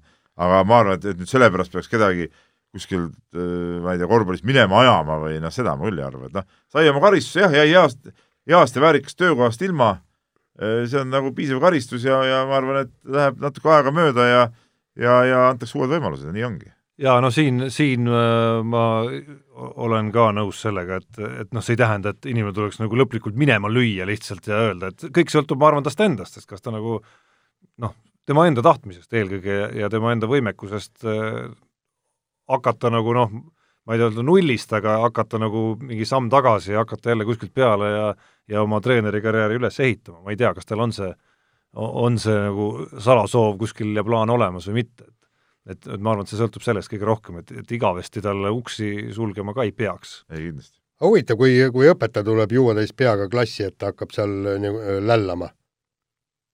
Öeldakse, et noh, pole midagi, läks, läks, homme tuleb ei no siis ka, ütleme mingiks ajaks ta kindlasti õpetaja töölt eemaldatud, aga kas ta peab elu lõpuni olema eemaldatud, ma ei ole päris kindel. okay. päris kindel, ma pole üldse selles kindel, et ta peaks olema elu lõpuni eemaldatud. aga koht number kaksteist, oleme lähenemas top kümnele ja kohalt number kaksteist leiame aasta ühe kõige kõvema, kui mitte öelda jaa, no okei okay,, üks skandaal on meil siiski tunduvalt kõvem veel, aga aga selle järel kindlasti skandaalide teine skandaal, ehk siis Katrina Lehis otsustas loobuda eluaegse treeneri Helen Nelis-Naukase teenetest, läks veidi aega mööda, valis endale uueks juhendajaks Nikolai Novosjolovi.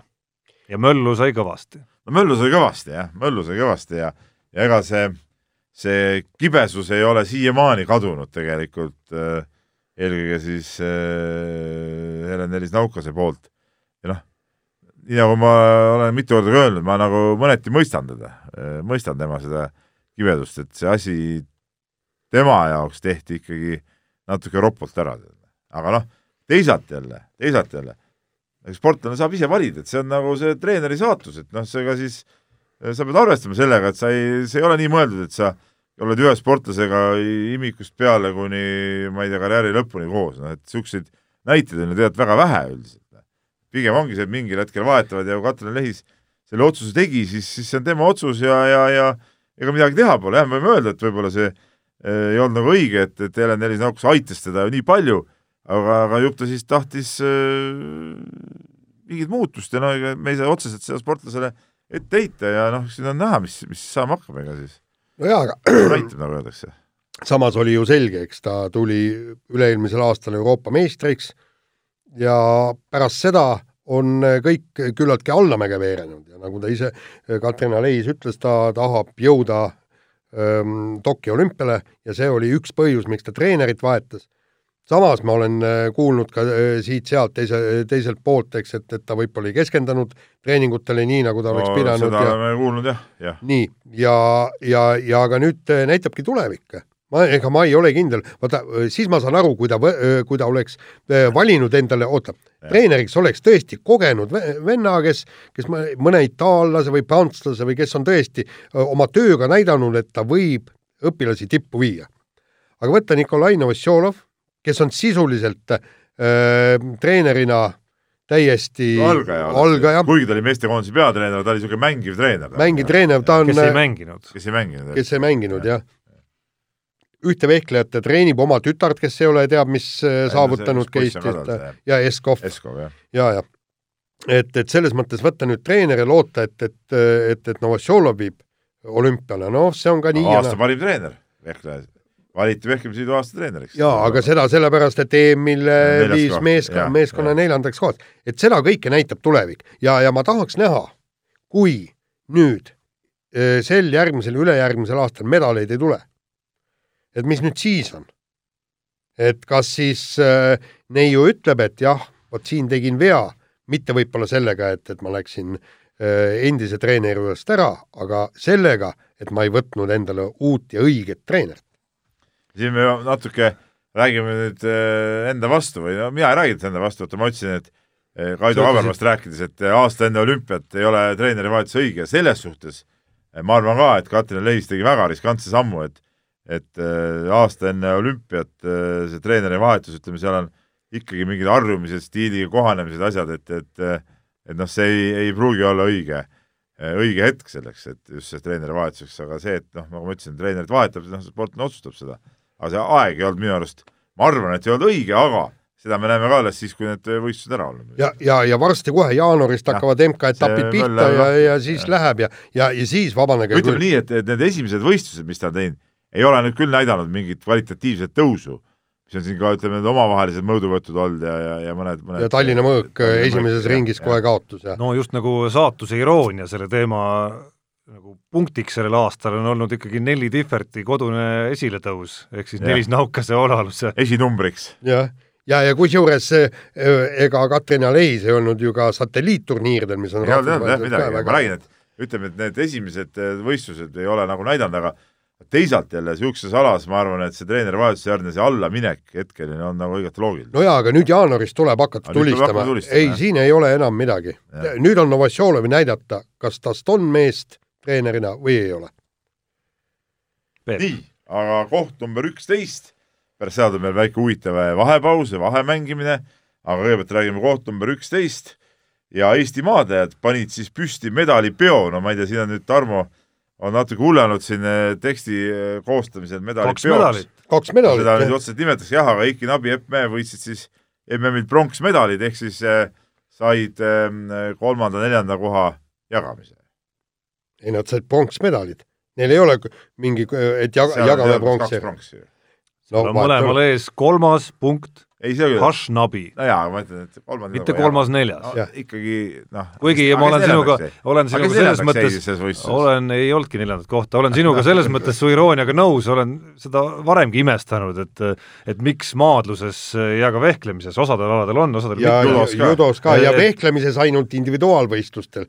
võistkonnavõistlustel pead äh, pronksi välja mis see, et vehklema. mis see nagu sisuline ja loogiline seletus sellel on, ei ole mina päris hästi aru saanud, boksis ma veel saan aru, et seal kaotus võib äh, tähendada ikkagi päris tihti seda, et, et, et on ohtlik sul või isegi võimatu edasi boksida. no seal see teooria ongi vist ikkagi, et nende kahevõitlusaladel, kui sa oled kaotanud, et noh, siis sa ei saa nagu nii-öelda nagu surdust üles tõusta ja minna veel sinna nagu võitlema, nagu midagi sellist. vehklemist ka siit torratakse nagu läbi, noh siis sa oled ju nagu, nagu, nagu D'Artagnan kolmes musketäris Mihhail Bojarski esituses seal tegi hatša ja siis mehed kukkusid maha, nad ei saanud ju uuesti püsti tõusta ja aga see oli, järgmises see stseenis oli, uuesti veel. see oli film, Peep. aga päriselt ei olnud? päriselt ei olnud nii. et tähendab põhimõtteliselt, kui sa päriselt kas Bojarski ei olegi tegelikult D'Artagnan või? et ei, ta võib Tartane olla, aga tegelikult äh, ei, ta temast torkas kedagi ja äh, see jäi ellu, Tomaa ei kirjutanud äkki temast seda see jäi raamatut? ellu, see, kõik need jäid ellu, keda ta torkas, mõistad? ei, aga kui tegelikult päriselus torgatakse sulle mõõk kõhtu ja siis sa rahulikult tõused püsti, väänad vere ei välja. no kui me la- lapsena mängisime mingit sõda või luurekat Ei, ja me siis tegime tu-tu-tu-tu-tu-tu, ega siis pidid kümneni lugema, siis ärkan ellu pidid hüüdma, siis no jooksed aga maadluses saaks ka nii teha, et jaa, kümneni ja siis peavad pronksi see on matši. mäng, aga see on päris elu. aga nüüd see, see loba viib meid muidugi eemale sellest, et siiski võtta müts maha Eiki Nabi ja Epp Mäe ees. ei, seda muidugi, ütleme, eriti ma ütlen nagu Eiki Nabi, kes on ka ikkagi ütleme, visatööga neid medaleid korjanud, on, Jaan, sa tead peast, mitu medalit tal on tiitli? Seitse või kaheksa. seitse või kaheksa, väga kõva värk. noh. ega Epp Mäel see ei olnud ka esimene medal. ei olnud muidugi, ta on Jah, äh, MM-i pronks olnud ja jah. Nabi on ju kahekordne maailmameister. Ja maailmameister, jah. ja, ja, ja olge ja ütleme, maadlus ikkagi klassikaline, mulle, mulle isiklikult maadlus väga sümpatiseerib, et spordialane, aga ma aktsepteerin seda kui ühte klassikalisema spordiala, absoluutselt. huvitav on see, kusjuures samal ajal, Peep, jah, et äh, sa oled meie saate ajaloos väga palju võtnud sõna selles osas, milliseks maadlus on, on muutunud, see aktiivne lamamine ja kõik Jah. need elemendid seal. samas oled sa tohutu nagu Kreeka-Rooma maadluse austaja, kui vabamaadluses vastupidi, on nagu action'it ka ikka natukene. ei, mis mõttes Kreeka-Rooma, ma pole midagi rääkinud. kuidas ei ole, otsin üles need kohad esiteks,. esiteks minu arust klassik, klassika, vaata, vaata, anna hakkame, no vot, hakkame rääkima aga sisust, sisust Aga- rääkides on siin vastuolu. ei, mis jaoks, klassikalises maaduses on ka ikka võtted olemas ju noh. aga, aga ma ütlen nii, et, et jah, mul see, see praegune see jura väga ei meeldi jah, sihuke, seal mitte, mitte midagi ei tehta ju. ega olgem ausad, ega see Eiki Nabi maadlust ma vaatasin ka neid seda eh, medalimatši asja, ega seal midagi vaadata ei olnud ju noh. no See ei ikka vaata, ei, ei nii, vaata, kuidas on käte sidumine ja, jaa, ja siis kuidas ta mitte ei saanudki niimoodi vastane lihtsalt No eh, just, täpselt. sai oma need eh, kollased kaardid ja no just, just. aga noh, ei no passiivsushoiatuste peale käib seal kogu see mäng. aga ütleme nii, et see ei paku mulle nagu vaatajana mitte mingit elamust. Ma tahaks näha, et Nabi võtab selle mehe, võtab, tõstab üles ja, ja viskab üle, tead noh. ja näha. Versut-, Vertuskaga, jah, just. vot seda ma tahaks näha. aga no seda ma ei näe seal. jah, aga Peep, üks suur-suur asi nende medalite ja Eiki Nabi ja äh, Epp Mäe juures on see, et nad on imepisikestest kohtadest pärit. Eiki Nabi äh, Hiiumaa väiksest kohast ja äh, Epp Mäe on Tudust. ja, ja, ja see näitab, kui tugevad on maamehed ja naised. ta läks õigel ajal tudule. Jah. no selle sai tugevaks.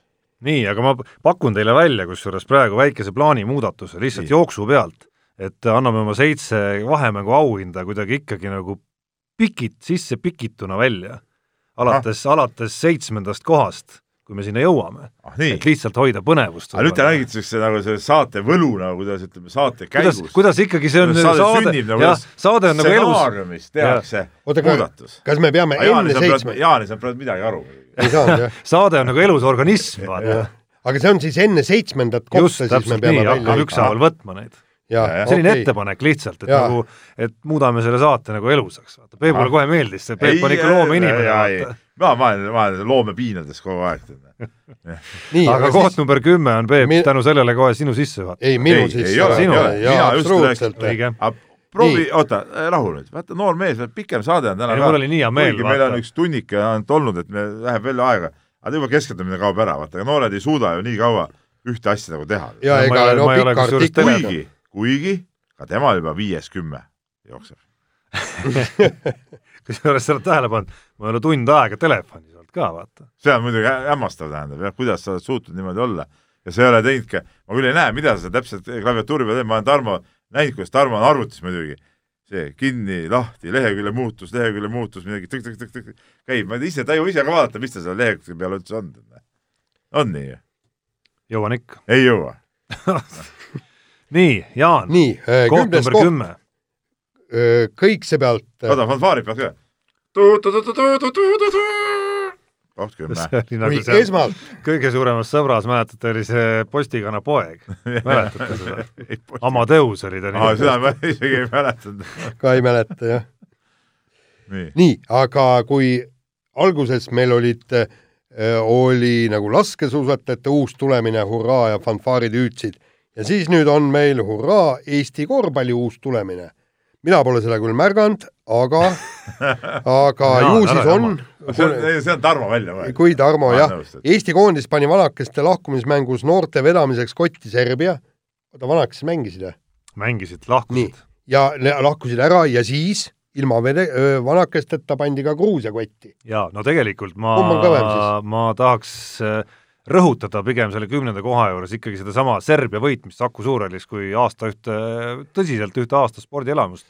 tõsi, ma pean nüüd tunnistama pattu või noh, mis pattani väga oli, aga ühte suure, see, selles teemas sisaldub üks minu suuremaid kahetsusi üldse viimasest aastast ja võib-olla viimastest aastatest üldse, sest ma kahjuks ei saanud sellel mängul kohal olla ja ma mäletan, ma mitu päeva põdesin selle pärast, sest äh, tolle sama mängu ajal olin ma kommenteerimas äh, siis Peterburi maanteel äh, tollal Viasati nime all veel Aa, olid need kanalid, ei olnud, need Aa. olid äh, mi- mingid muud koondise mängud, ma Aa, ei mäleta okei, kas jaa, jaa. Rootsi koondis või Läti koondis või või, või oli see Eurol, no seal, seal oli tähtsust isegi.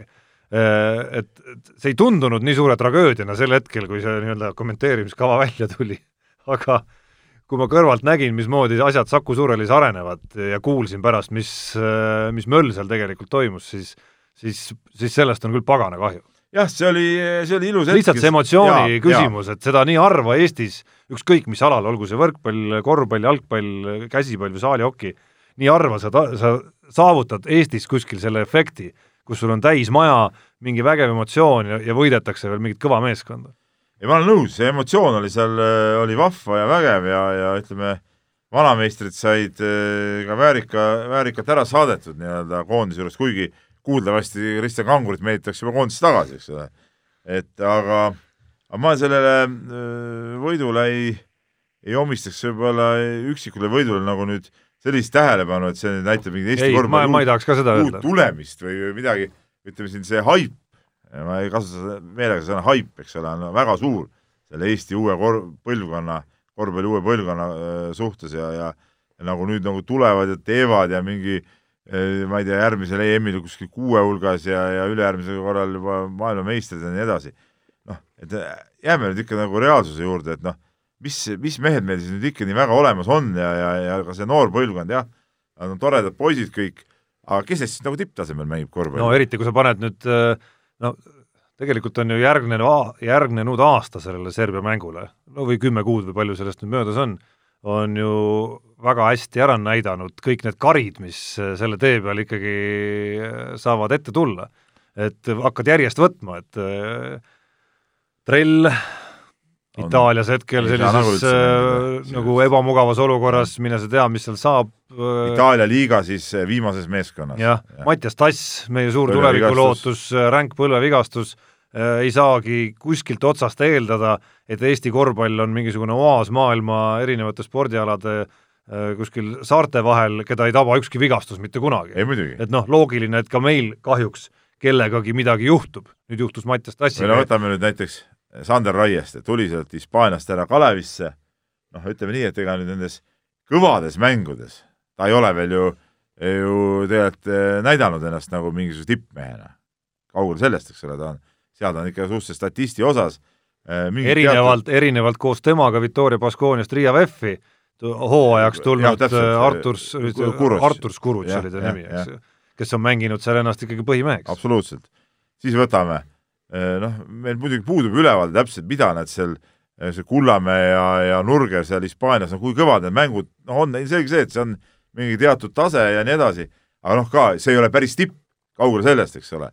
meil on mingid Itaalia esiliiga vennad, mis ei ole päris tipp, kaugel sellest, eks ole. et noh, et, et ega me ei saa nüüd öelda, et mingisugune oh, et meil on no ülisuper gigavärk on nüüd kõik. ja seal mingi potentsiaal on, et sealt mõned mängijad tõusevad võib-olla veel kuhugi aga et me ütleme, et meil on paari aasta pärast mingi megakoondis, meie megakoondis võib olla ainult tänu sellele, kuigi see nüüd on ka nagu natuke näiteks itaallaste puhul äh, noh, nende akendega, esiliiga akendega nagu häiritud, et äh, valiksarjades teised riigid ei saa normaalseid koondisi kokku, aga me saame enam-vähem, noh, Ameerikas ka ei saa tulla muidugi, enam-vähem mingi satsid saame kokku, tead, ja siis meil on nagu suurem võimalus, tead. aga kui kõik panevad nüüd maksimumsatsid kokku, siis meil ei ole ikka mitte mingit võimalust, tead. praeguses seisus küll ma ei näe et me tõuseks tõesti nüüd nende, ma ei tea, praeguse Läti koondise või, või ma ei tea, nende tasemele, noh, see pole reaalne. täpselt nii, täpselt nii et, et minna on veel hirmus palju individuaalses mõttes palju, kõikidel jah. nendel meestel oma karjääridega, et me noh, hakkaks kas või Soomega võrdlust välja kannatama, et siin, siin... siin Jukka Toiala kontekstis sinugi suust kõlab see soomlane justkui nagu etteheide, aga, aga lõpuks on meil minna mängijate individuaalse kvaliteedi ja karjääri käekäikude poolest veel ikkagi päris palju, et jõuda näiteks nende soomlaste tasemele. jaa, absoluutselt ja ma ütlen, et noh, kuniks kogu see noorem põlvkond küpseb, siin läheb veel neli-viis aastat vähemalt aega. muide, kui me EM-il tulime kuuendaks, kus kohas meie mehed siis mängisid? Kes need olid? No esiteks ei ole seda mõtet väga võrrelda, sest et välismaal mängimine kui selline tol ajal oli ikkagi väga harukordne, harukordne nähtus, et selline no aga ikka selline... sealt, aga sealt läks näiteks, Kuusma no. läks Panathinaikosesse sealt no ja no Sokk oli. ja, ja Sokk, no Sokk ei mänginud seal EM-i, jaa. aga Metsak läks ka Saksamaale minu arust sealt peale EM-i. Müürsepp mängis seal või? ei, Müürsepp äh, finaalturniiril ei mänginud. nii et, et aga, aga ikkagi tugevad klubid. jah. Aga kohal number üheksa on asumas äh, teine suur pallimängukoondis ja selleks on Eesti jalgpallikoondis ja peaasjalikult ühe päris äh, märkimisväärse hetkega, ehk siis null kaheksa kaotus Saksamaale ja sellele järgnenud kogu treeneriste staabi tagasiastumisega, eesotsas siis Martin Reimiga. selle, selle mängu vaatamise lugu ma vist ühe korra saates juba rääkinud, aga aga see mul jääb nagu hästi meelde, et ma olin Sardiinia rallil parajasti ja ja töö oli tehtud ja, ja mõtlesin, et lähen siis äh, nii-öelda rannarestorani sööma ja võtan sealt mobiilist siis mängu ette ja vaatan mängu, ma teadsin, mäng oli just alanud, eks natuke oli seal võib-olla kümme-viisteist minutit oli läinud ja jõudsin restorani ja tellisin söögi ära ja, ja ma ei tea, kas Jaan, sina helistasid mulle, mina sulle ja ma ütlesin Jaanile, et no ma hakkan jalgpalli vaatama ja aga siin polegi midagi vaadata, seis oli vist null viis juba, kui mäng oli käinud, ma ei tea, viisteist, kakskümmend minutit, et noh. siis ma ikka panin ette ja vaatasin selle üle puterdamise ka lõpuni, et et, et see oli päris julm muidugi, jah. mina mäletan, et et see pigem ei olnud selline mäng, kus sa nagu teleka kinni panid, et see oli täpselt selline mäng, kus jäidki nagu vaatama, et kui palju, et kui palju nüüd ikkagi see või kuidas see asi nagu lõpeb. ja, ja, ja üks, mida sa nautisid, kuidas sakslased mängisid kuidas nad kõik kasutasid meie vead, eksimused, tühjad kohad, sööt käis paremale-vasakule, jälle pall sinna, peaga värav, kõik nii, et tegelikult kui nad oleks, oleks tõ tõsiselt tahtnud, eks nad oleksid veel minema löönud. Ja, ja millise innuga nad mängisid ja kujutad ette, eks, meie vennad nagu viskasid rätiku ju nurka, ega nad ju, seal olid ikka noh, löödud masenduses kõik nii. Ja sakslased veel viimastel üle, üleminutitel tormasid täie hooga nurgalööki andma et äkki saaks veel ühe panna. et milline hoog oli sees, et millise naudinguga nemad seda mängisid no üks asi on nauding ja teine ongi selline nagu põhimõtteline igas olukorras, igas mängus endast maksimumi andmine, et et seda sa näed noh, tippliigade mängudes, noh, rohkem räägin jälle muidugi korvpalli näitel, aga seda näeb päris tihti, kuidas treenerid peavad seda ikka tohutult oluliseks, et isegi kahekümneses eduseisus võtad nagu viimast ikkagi sellest. et seal, seal viie, väheneb vahe viieteistkümnele ja time-out'id hakkavad tulema ja, ja hääled lähevad kõvaks kohe. et see ongi nagu selline nagu, nagu selline põhimõtteline asi, kui me mängime, siis ainult täiega. aga no ütleme, see mäng tõi siis kaasa ka treenerite staabi nii-öelda vahetuse ja, ja noh, ma ei julge nüüd öelda, et midagi nüüd äh, sellega oleks halvemaks, midagi halvem, paremaks tähendab, midagi halvemaks ka otseselt ei läinud uue peatreeneriga, mitte otseselt, vaid ka kaudselt ei läinud. aga ütleme, mingit märgatavat tõusu ei olnud, et eks see jalgpallitase ikkagi meil on selline, nagu ta on, et kas seal on nüüd Martin Reim või, või Voolaid või Rüütli või ükspuha, kes seal eesotsas on, eks see tase meil ongi praegu selline mängijad, ongi meil sellised, meil ei ole tipptasemel jalgpallurid praegu ja me peame sellega paraku leppima no,. et kui me nagu loeme kokku, meie saavutus on see, kui me loeme kokku, mitu söötu me järjest suudame teha seal mõne tippsatsi vastu, noh siis see on meie mingi saavutuste lagi noh, siis see on nagu jama. ja, ja teine asi on ju see, et, et füüsilised füüsis pole meestel kaugeltki see. Ja, ja mul oli väga huvitav, mul oli endal väga-väga tore oli teha seda Martin Reimiga intervjuud, ma mingi paar-kolm kuud hiljem äh, käisin äh, temaga vestlemas suvel ja ja siis, kui ta, kui ta tõesti noh, kui ta ütleb, et oleks mul siis üksteist mängijat äh, championship liigast ehk siis Inglismaa esiliigast kes on harjunud üheksakümmend minutit täiega jooksma ja täiega võitlema, taevane arm, ja need vennad oleks, davai, andke meile sakslased, küll me nendega mängime, eks. ja nad ongi harjunud sel tasemel ja jooksebki üheksakümmend minutit ja jõuliselt ja paneb kogu aeg keha ja kõik nii, aga meil ei ole neid vendasid, meil on Eesti liiga vennad. ja siiamaani ikkagi, nagu nad räägivad, et Eesti liiga tempo on nii aeglane, me ei suuda välja kannatada ta-ta-ta, eks. miks see on aeglane, miks te ei mängi kiiremini, mis teil viga on? mi, mi, mi, see, see, et, et kui, kui, kui vastane mängib aeglaselt, ega see ei tähenda, et sina pead aeglaselt ei mängima. sakslased mängisid ju kiiremini kui meie, miks nemad siis meie tasemele ei langenud? ja nüüd öeldakse, et, et meil on Eesti liigas tase, see noh, mäng liiga aeglane. palun, mäng kiiremini. oskusi pole, noh, jaa, aru ei saa siis. oskusi ei ole, et kiiremini mängida kiire Päris... mängimise pallid kaovad ära jala pealt lihtsalt. ja ei no aga see, see oli ka väga huvitav, mis välja tuli, vahepeal oli seal ju, kui see vist oli Andres Ooper, kes, kes äh, esialgu andis mõista, et noh, et, et ei saa ju mitte midagi tulla, kui meil on kaks-kolm päeva mängu eelaega ja ma pean mängijale õpetama tehnilist, tehnilisi asju. see, mida ta peab ja, ja Reim rääkis, mis see tehniline on Nad õpetasid mängijale, kui tugevalt sa pead söötma mängus sakslaste vastu, et seda palli ära ei. see söötus läbi läheks. ja, ja absoluutselt, noh, sest mängijad ei ole sellega kunagi harjunud, nad mõtlevadki, et samamoodi nagu Eesti liigas, veeretan vaikselt palli ja, ja küll ta kohale jõuab, eks. no see lõppenud valiksari oli, oli ju selline kuidas ma ütlen, ikka selline nagu kriisihetk Eesti jalgpalli jaoks nii mõneski mõttes, et minu arust ei ole ühelgi aastal varem äh, nii palju hakatud süüvima sellesse, et mida siis ikkagi siin taasiseseisvuse ajal on nagu tehtud tegelikult, et et ühest küljest on küll äh, oldud hästi tublid, harrastajate arvud on kerkinud ikkagi nagu müstilisel kiirusel, jalgpall on saanud kõige enam harrastatavaks mänguks ja nii edasi ja nii edasi, aga et, aga et see küsimus, et mida siis on tehtud selleks, et neid tippmängijaid äh, oleks meil võrreldaval kombel kas või soomlastega näiteks, kas noored treenivad üldse nendes Eesti tugevamates noorteklubides piisavalt või või on see kogu, kogu aur läinud kvantiteedi peale, kõik need küsimused ka nendele on kas või Aivar Pohlak pidanud aasta jooksul vastama rohkem, kui jäi kunagi varem ja minu arust võtnud ka omaks mingeid vigu, mis on tehtud ja mis vea, vead on klubides tehtud ja nii edasi ja nii edasi. et väga tahaks näha, kas, kas nende järelduste ja, ja tunnistuste pealt nüüd nagu toimub mingisugune muudatus ka kuskil seal, seal allpool. sealt see ju algab kõik. ja, ja kusjuures jalgpallil on see võimalus, sest neil on raha olemas, vähemalt võrreldes teiste spordialadega nemad saaksid sinna kva-, kvaliteeti hakata selle kvantiteedi juurde tooma. paljud teised spordialad ei saa, sest neil ei ole pappi lihtsalt. aga Jalgpalliliidus on palju, seal on viiskümmend pluss töötajat ja, ja mis iganes.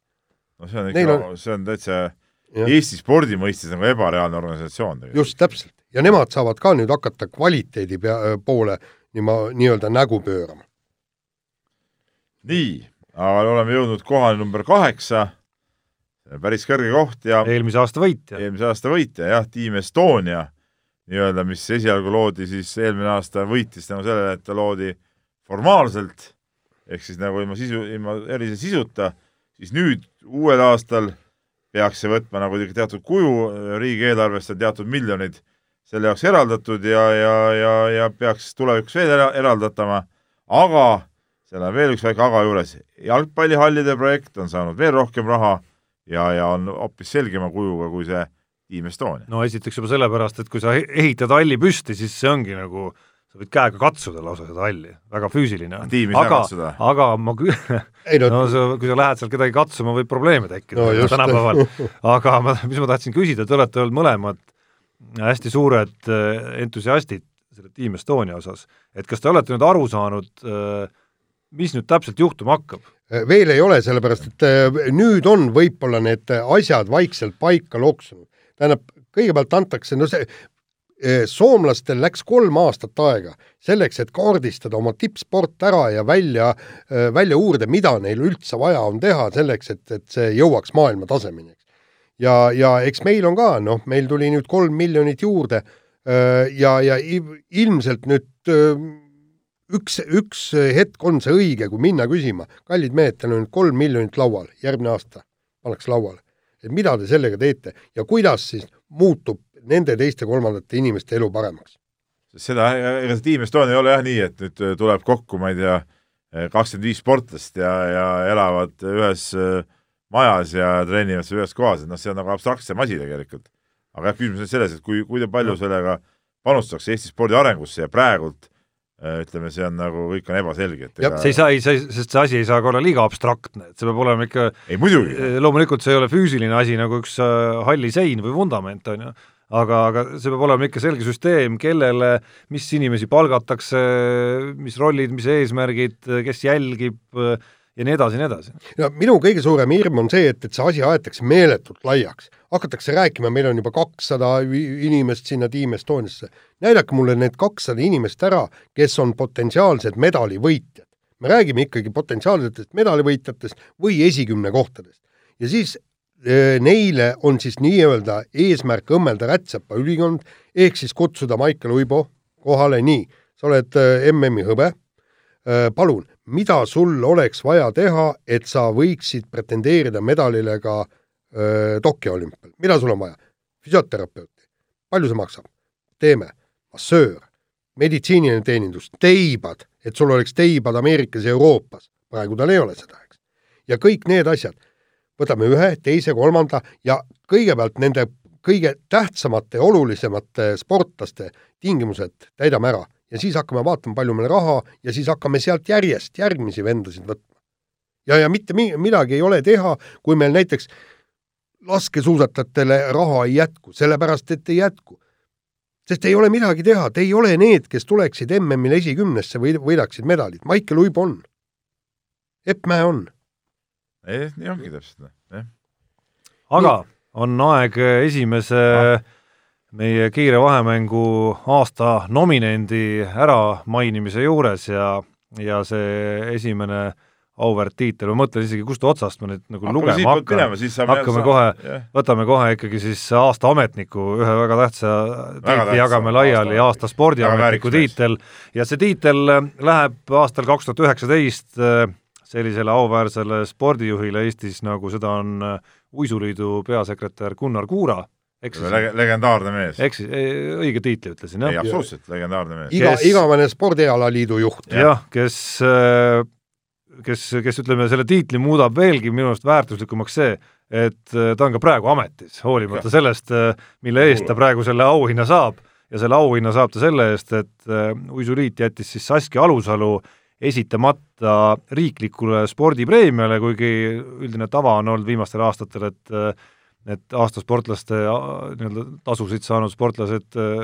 nopivad ka sealt natukene veel äh, preemiat juurde jah. ja Gunnar Kuura siis, kui küsiti, et miks ta, miks ta selle tegemata jättis, kuigi mulle tundus, et põhipõhjus, et ta võib-olla lihtsalt ei hoolinud või unustas, aga ta lisas ikkagi vürtsi juurde sellele eh, kinnitades, et see pigem oli nagu otsus, sest tsiteerin, Alusalu on saanud niigi suurt tähelepanu, saan aru, kui jutt käiks Gerd Kanterist või kellestki teisest, kes tulnud medalile, aga sinna on tal veel tükk maad minna, ma ei Ja- suuda isegi ilma ja- naermata ja seda lõpuni. selles mõttes on kõva, ma ütlen enne, kui ta saad Jaan, jah. et kõva, et mees vaatab suurt pilti ikkagi, et vaata, kui me näiteks valimistel lähme valima näiteks ka, et siis ka võiks ju alati hääletada nagu selle järgi, et okei okay,, noh näiteks oletame, oleks pensionär, et kes pensionäridele kõige rohkem lubab, sellele annan hääle. või ma olen äh, noh, midagi, ütleme, va- vaatan, palju ma teenin näiteks ja siis arvutan täpselt välja, milline partei just mulle äh, lubab nagu kõige rohkem oma maksude ja asjade ümberjagamise näol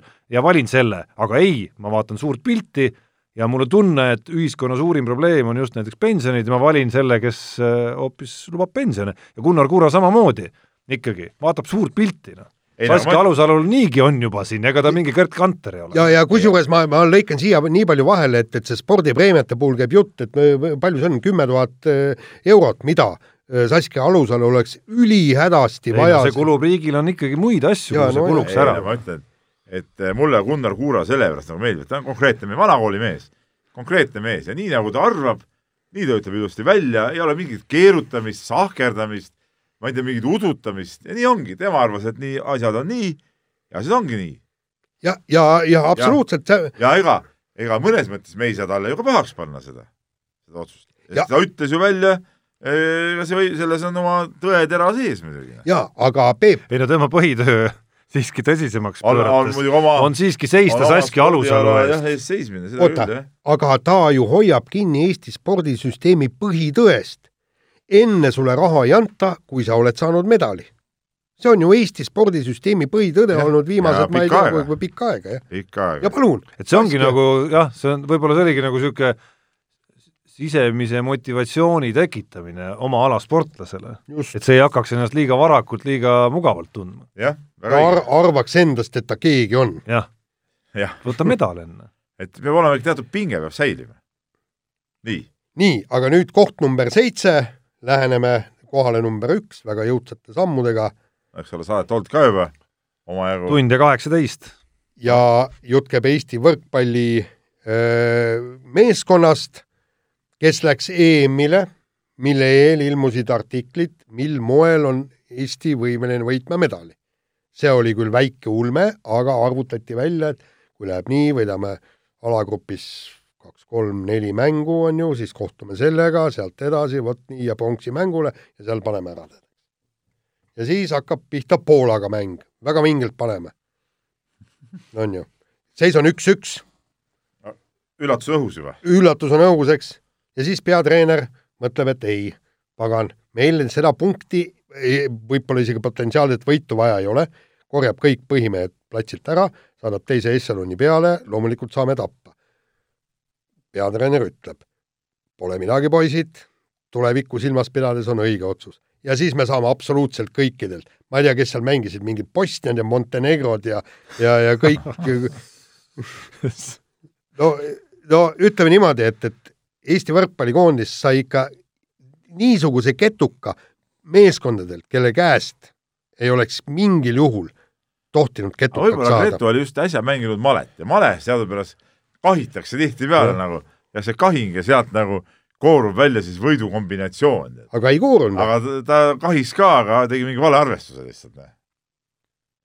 võitu ei tulnud. noh. jah, noh tagantjärgi meenutades äh, no, kes seda nüüd täpselt teab, jõle huvitav oleks mingil hetkel, mingil hetkel, kui sellest on rohkem aega möödas, on, et mõne koondise, koondise põhijõuga nagu ühes avameelses intervjuus natukene täpsemalt teada saada, et mis, mida seal keegi mõtles ja mida seal keegi nagu tegelikult arvas, et loomulikult nad kohapeal intelligentsed inimesed kõik seal koondises ei hakanud seal väga nagu möllu tõstma, aga nägudelt ja järgmistest mängudest nagu kõrvaltvaatajale tundus küll, et see võttis ka meestel endal masti maha ikkagi et see minu arust, see minu arust kuhjas nendeks järgmisteks mängudeks nagu veel suuremad pinged sinna peale, okei okay,, me nüüd kahisime ja nüüd siis hakkame nagu Jaa, mängima, nüüd hakkame nüüd mängima, hakkame mängima täpselt. siis nüüd tulevad meie mängud.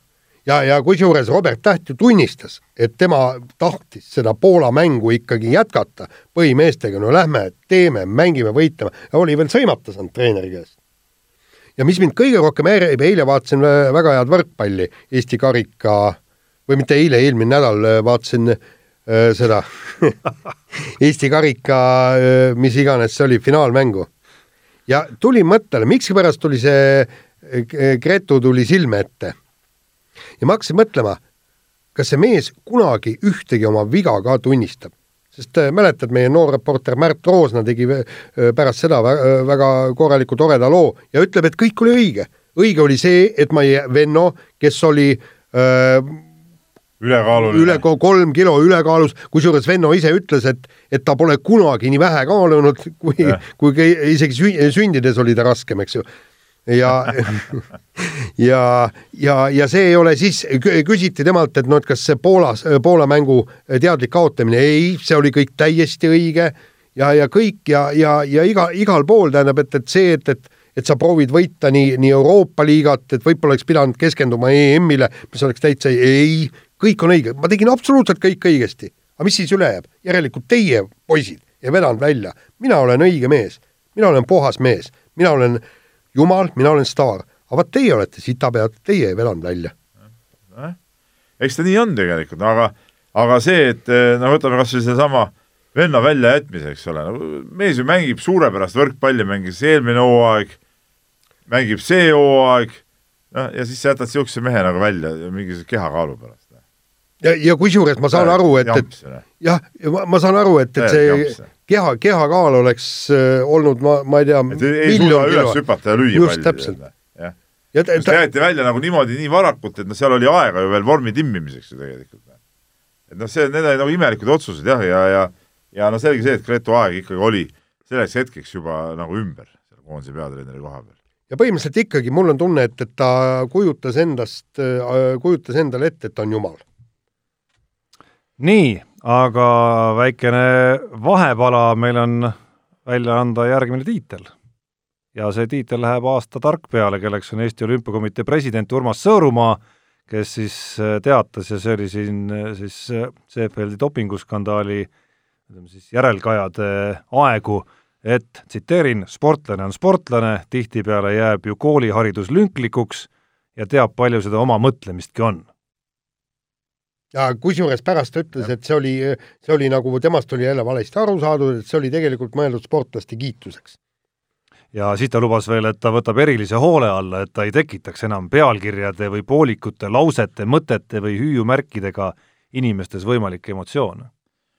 aga ütleme nii, aga no ega ta nüüd otseselt midagi valesti ka ei ütelnud siin, noh. Et äh, tihtipeale jääbki sama lauset võib öelda muidugi, ma arvan, sportlaste, ajakirjanike, spordijuhtide, ja ei muidugi. Ärimeeste., traktoristide kõigi kohta. ja nii edasi.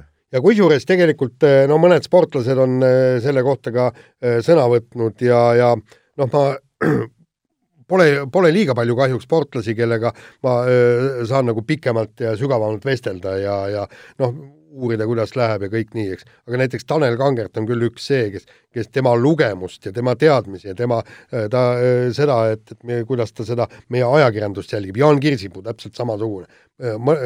noh, tulge nüüd ütlema, et, et nad ei ole haritud ja neil on lünklikuks see haridustee jäinud ja nad on peast lollid ma, ma arvan, et kui nad sõrm, Sõõrumaaga kõrvuti panna, siis, siis nemad alla ei jää. no eks, eks selle äh, lause ütlemine olukorras, kus sa ise oled justkui Eesti kõikide sportlaste juht, no näitabki, et natukene võiks ka endal mõtlemist rohkem olla siiski. nii on jah, aga no ütleme, tegelikult äh, temaga seoses äh, tekivad siin uuel aastal uued küsimused, eks ole, et uus EOK presidendi valimine on tulemas kevade poole ja ja, ja tegelikult ütleme sellest, ma arvan, meie järgmise aasta edetabelis mingi väike punkt või koht ikka ära tuleb, et, et kas, kas nüüd tema jääb ise alles või seal tulevad uued, siin on igast huvitavaid teooriaid räägitud, et, et äh, ma arvan, et meil on tulemas niisugune spordipoliitiliselt kindlasti huvitav äh, aasta esimene pool. absoluutselt. ja, ja ma seal äh, ütleme keskses rollis selles koguses. ja ei, seda kindlasti aga nüüd läheme tagasi põhitabeli juurde, koht number kuus ja kohal number kuus asub Kelly Sildaru ja asub tegelikult nüüd nii-öelda kahe asjaga kokku, esiteks äh, vägev comeback pärast rasket vigastust äh, nii X-mängudel kui ka maailmameistrivõistlustel, aga seejärel aasta lõpp, mille sisuks oli see, et tundub, et motivatsioon tipus püsida ei ole enam päris see, mis, mis seni.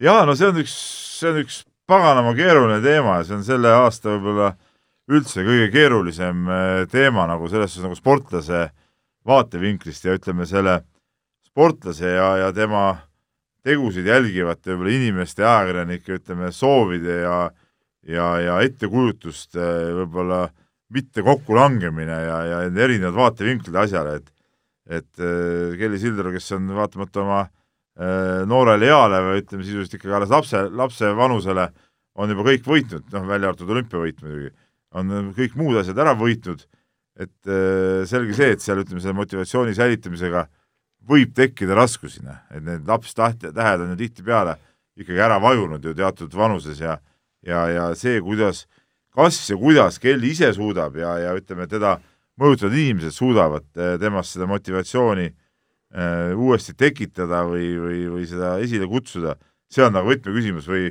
või, või jäävadki näiteks olümpiavõidud tulemata, mida siin tegelikult juba talle sisuliselt kindlatena kaela riputati. no jaa, aga siin me ei tea, kas, kui palju on tingitud äh, kogu selles asjas see vigastus, äh, raske põlvevigastus, mida ta ikkagi pool aastat välja ravis. ja, ja see, see võib panna ka, tõmmata mingi ploki peale. teine asi on see, et, et võib-olla ta on tõesti oma trennid ära teinud, ta ei viitsi enam ta ei jõua enam, ta on tüdinud kogu sellest, et see ei ole võib-olla motivatsioon seda medalit võita, see veel oleks, aga ma ei viitsi enam nii palju pingutada. Ja, ja, ja kui hakata nüüd tagasi mõtlema, siis veel aasta tagasi, enne, enne tema vigastust, vaata, kui ta tuli sinna MK-sarja ja kõike, siis kui me rääkisime temaga kui tema treenerist isaga, et kuidas see hooaeg on, oi jumal, MK-etappe on niivõrd palju, aga me alustame Uus-Meremaalt, siis lähme sinna, selle peame vahele jätma, siis oleme seal, siis sõidame sinna, siis oleme Ameerikas, siis sõidame Hiina, kõik nii. ja, ja nüüd, kui on inimene terve, nüüd, kui ta võiks võistelda, võistelda MK äh, punktide ja MK raha pärast, ega seal on ka kümme tonni antakse võitjale, eks ju siis ei ole midagi, lähme paarile kommertsvõistlusele, mingi noorte olümpiapäevadele ja kogu lugu on ju. aga nüüd mul on suure ringi küsimus nii-öelda meie kolme peale. Äh, mitu MK-etappi on toimunud või kes neid võitnud on või oled, mis vahepeal toimunud on selles alas, sellel alal? ei, üks MK-etapp äh, vot nüüd ma ei mäleta, kas toimus või üks oli kohe Uus-Meremaal seal, kas ja, septembris või kuskil seal päris alguses. aga muidu hooaeg polegi pihta hakanud veel või? ei no põhimõtteliselt on, aga mingi etapp jäi ära, mul oli vist mingi uudis. kes juhib maailmakarika sarja praegu? ei, aga tema konkurent sai vigastada ja üpris rängalt. kelle? Kelly Sildaru. nii, aga kes juhib MK-sarja, ma küsin? tema juhib. kes? no see noh see see näitab, kui hästi me seda ala tunneme ja kui palju see ala meile huvi pakub, et ilma Kelly Sildaruta. ilma Kelly Sildaruta meil pole õrna halli aimu ka, mis seal toimub, kes seal toimub ja, ja, ja mis, mis seal üldse, mis see värk on? Peep, aga samad küsimused, kes on praegu, kas sumos on, keegi on Yokozuna tiitlini jõudnud? ei, absoluutselt mitte, loomulikult. kes on naiste trekisõidus Sakuho praegu? ei ole endiselt ikkagi, ikkagi nagu peategelane sumos. Tsarjova oli seal kõva omal ajal ju ja, ja Ludwig Rottenburger. ja, ja absoluutselt ja see Saks-, sakslanna ka sakslanna oligi see Rottenburger. ja, jah, oota, seal oli veel keegi. keegi oli veel, jah. oli vist Sarjova oli see üks see tema eh, venelane. vist oli, tead, mälu hakkab juba. see treeneri naine oli üks veel, vaata. jah. jah. ei, ei no muidugi, me ei tea, aga noh, see ka näitab, ega need alad ongi siuksed ju väga nišialad, väga nišialad, noh, midagi ei ole parata nii, nii., vahe, vahe, vahehetk, meie vahemängu staaride järgimine staar ootab reas ja see, see tiitel kannab nime aasta jõmm ja aasta jõmmi tiitli võidab meil Tallinna Kalevi ei, ei võidagi Peep, jah. minu arsti mees. on veel kõvemaid jõmme, nimelt Tallinna Kalev TLÜ president Sten-Erik Janson, no ma ei teagi, mis, mis nimetus sellele žestile nüüd panna, millega ta siin aasta esimesel poolel, äh, see oli vist play-off'ide aegu vist lausa või? no põhimõtteliselt näitas, et huivamm taki eest. oli vist nii või? no nii ta näitas jah ma.... emotsioon ta veel ronis, ronis sinna kohtuniku laua kõrval on see, see nagu pingi moodi asi, kus siis vahetusmehed, kes väljakul hakkavad minema äh,, istuvad seal, eks ole, et ta ronis sinna peale ka veel, et siis, et ta paistaks nagu kaugemal, see vist Tartu meestele vist Tartu meestele jah ja., ei ühele, ühele konkreetsele mängijale ja seal olid oma teatud tagapõhi ja, ja, ja ütleme, niisugune story oli seal taga olemas, aga ei, loomulikult see ei olnud nagu ilus tegu, aga see näitab mõnes mõttes ka kirge arvad? kindlasti ei, ma, ma olen nõus. selle oma artiklis hulk, hukka, selle teo, aga ma ütlen, et see näitab ikkagi nagu ka, ka kirge emotsiooni, et jah, see ei olnud kindlasti mingi ilus asi, mida oleks pidanud tegema, aga aga, aga noh, niisugused asjad käivad asja juurde ja tegelikult mõnes mõttes kõik ikka need igasugused negatiivsed asjad ikka muudavad seda mängu nagu värvikamaks, noh, tegelikult vaata, meile on ka alati kogu aeg ju meeldinud, kui vanasti olid noh, niisugused action'id sai nagu rohkem, et tänapäeval sport ongi võib-olla liiga steriilne, et niisugust nagu, niisugust, niisugust karmi action'it on nagu, nagu vähe, niisugust a la Erik Cantona äh, kick-poksingu lööki seal, mis ta seal publikusse ükskord tegi ja ja mingeid niisuguseid asju, no vot, et et need asjad käivad siis, no see on, käib show juurde tegelikult kõik. ja aga teine ma isegi, ma isegi oleks äh,, isegi nagu elaks su nagu käigule natukene kaasa, kui ta tõesti olekski siis sellele konkreetsele tüübile vastu astunud ja siis talle üle kurgi andnud võib-olla aga noh, see žest oli rohkem niisugune, võib-olla näitas kirge, aga rohkem näitas sellist intelligentsi puudumist. ei no aga saad aru, kui katus pealt maha sõidab, siis sa ei kontrolli ju oma öö, liigutusi, liikumisi ja motoorikat. oota, mina tean, üks mees peksis jalaga seina. just. istub siin praegu. ütleme niimoodi, kas see, kas see on normaalne tegevus, et sa võtta jalaga ja virutada täiesti ja, ja, ja nüüd ta, näed, nüüd ta teeb nägu, nagu ta ei teaks mitte midagi tal oli, tal oli isegi oma teo ajal, tal oli niisugune mäluplokk, et ta praegu ta teeb, ta nagu ja. ei mäletagi. just, ja, ja lõpuks tuli sinna pappkast panna, et mida sa võis peksta. vaata, üks asi on, äh, ma arvan, kuskil teismeeas oma emotsioonidega. no mis teismeline sa töötasid meil seal? kimpusel on no ma hakkasingi teismeeas juba no, töötama. siis sa ei olnud enam teismeeas. no kakskümmend, mitte rohkem no,. no kuule, see on täis, kuule, mis ma tulin, ma olen Vene kroonist läbi käinud juba. kuule, ma kaitsesin kogu eh, Nõukogude Liitu samal ajal, eks. teismelisena olin siis tõesti seal, ütleme, riigikaitsel või, jah? jah. Suure Deržava kaitsel, üks kuuendik planeeti püsis minu õlul kui ma olin teismeline. sa tahad nüüd väita, et sa olid äh, üheksateistkümneaastaselt juba nagu äh, mõistusel peas ja kõik oli nagu ei no üheksateist sa olid juba Tšerpak või olid Deeduska juba? olid jah? Tšerpak jah. olid jah, okei okay., ei noh, no eks äh, siin tulebki minu ja sinu vahe võib-olla sisse, vaata, et noh, sa olid ikka varaküps. sain kakskümmend, sain kohe teeduskaks. no just. Ja, ja veel pool aastat ja sain tembliks. et see põhimõtteliselt ju tõestaski, et mõistus sai, oli olemas. lähas sirgeks löödud ja ja nii läks vot nii. ei no ei, sinu vastu muidugi ei saa. ei saa. ja nii, et äh, jah, nii, ja mina lähen järgmise teemaga edasi, vaata isegi selle vastu, et mina praegu nagu haarasin ohjad ja koht number viis ja siin peaks laskma uuesti seda fanfaari.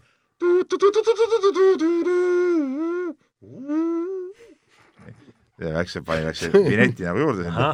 nii, ja võrkpallinaiskond, võrkpallist on palju juttu olnud seekord ja võrkpallinaiskond võitis siis äh, EM-valiksarja kõige tähtsamas mängus Soomet äh, ja pääses tänu sellele EM-finaalturniirile ja see oli, ütleme, Eesti pallimängude võib-olla niisugune pallimänguvõistkond üks suuremaid äh, eneseületusi kindlasti lähiajaloos, aga ütleme, taasiseseisvumise ajal üldse kokkuvõttes see oli üks, üks jah kõvemaid eneseületusi. no sellepärast see nii kõrgel ongi ja noh, nagu mina Tarmale ütlesin ka, et, et minu jaoks on see märgilise tähendusega, et ma, ma olen kirjutanud artikli, et miks meie öö, või, öö, naiste võistkonnasport kiratseb ja kui ma tõin ära, et praktiliselt noh, Euroopast ikkagi kõik tõsiseltvõetavad riigid on mingil spordialal jõudnud EM-finaalturniirile või noh, MM-ile, eks. Kõik, ja meil oli puhas null, me olime mingi Armeeniaga seal ja, ja, ja, ja mingi Küprosega ja nendega seal jaga, jagelesime seal kaugel omavahel maid, eks. aga nüüd hurraa, võrkpallurid tegid ära. jah, kusjuures see ei ole ju ainult nagu võrkpalli teema, vaid ongi nagu laiem naiste pallimängude teema, et et üldse pole kaua aega läinud minu arust sellest hetkest, kus kus nagu naiste neid pallimängukoondisi nagu ei peetudki millekski, et siin, siin on olnud nii Kossu puhul kui Võrgu puhul teema, kus, kus pole neid ei mingitele turniiridele välja pandudki üldse ja nii edasi ja nii edasi, samas tõesti naaberriikidel, noh Läti Kossus vist nad ikka mänginud kogu aeg, aga Võrgus oli küll, oli korduvalt neid kordi, kui aga ko kas Kossus on äh, noorteturniiridel jaa, noorteturniiridelt on eemale jäädud, jah. ja sealt praktiliselt kõikidest on eemale jäädud. ja, ja on aastaid ikkagi oldud, on küll olnud aastaid, kus on ikkagi jäädud nagu jah, täpselt kõikidest eemale et, et, et selles mõttes on tore, et see on nagu mingi avastus lõpuks toimunud, et et no kuulge, seal on võimalik äh, mitte ainult osaleda, vaid ka edu saavutada.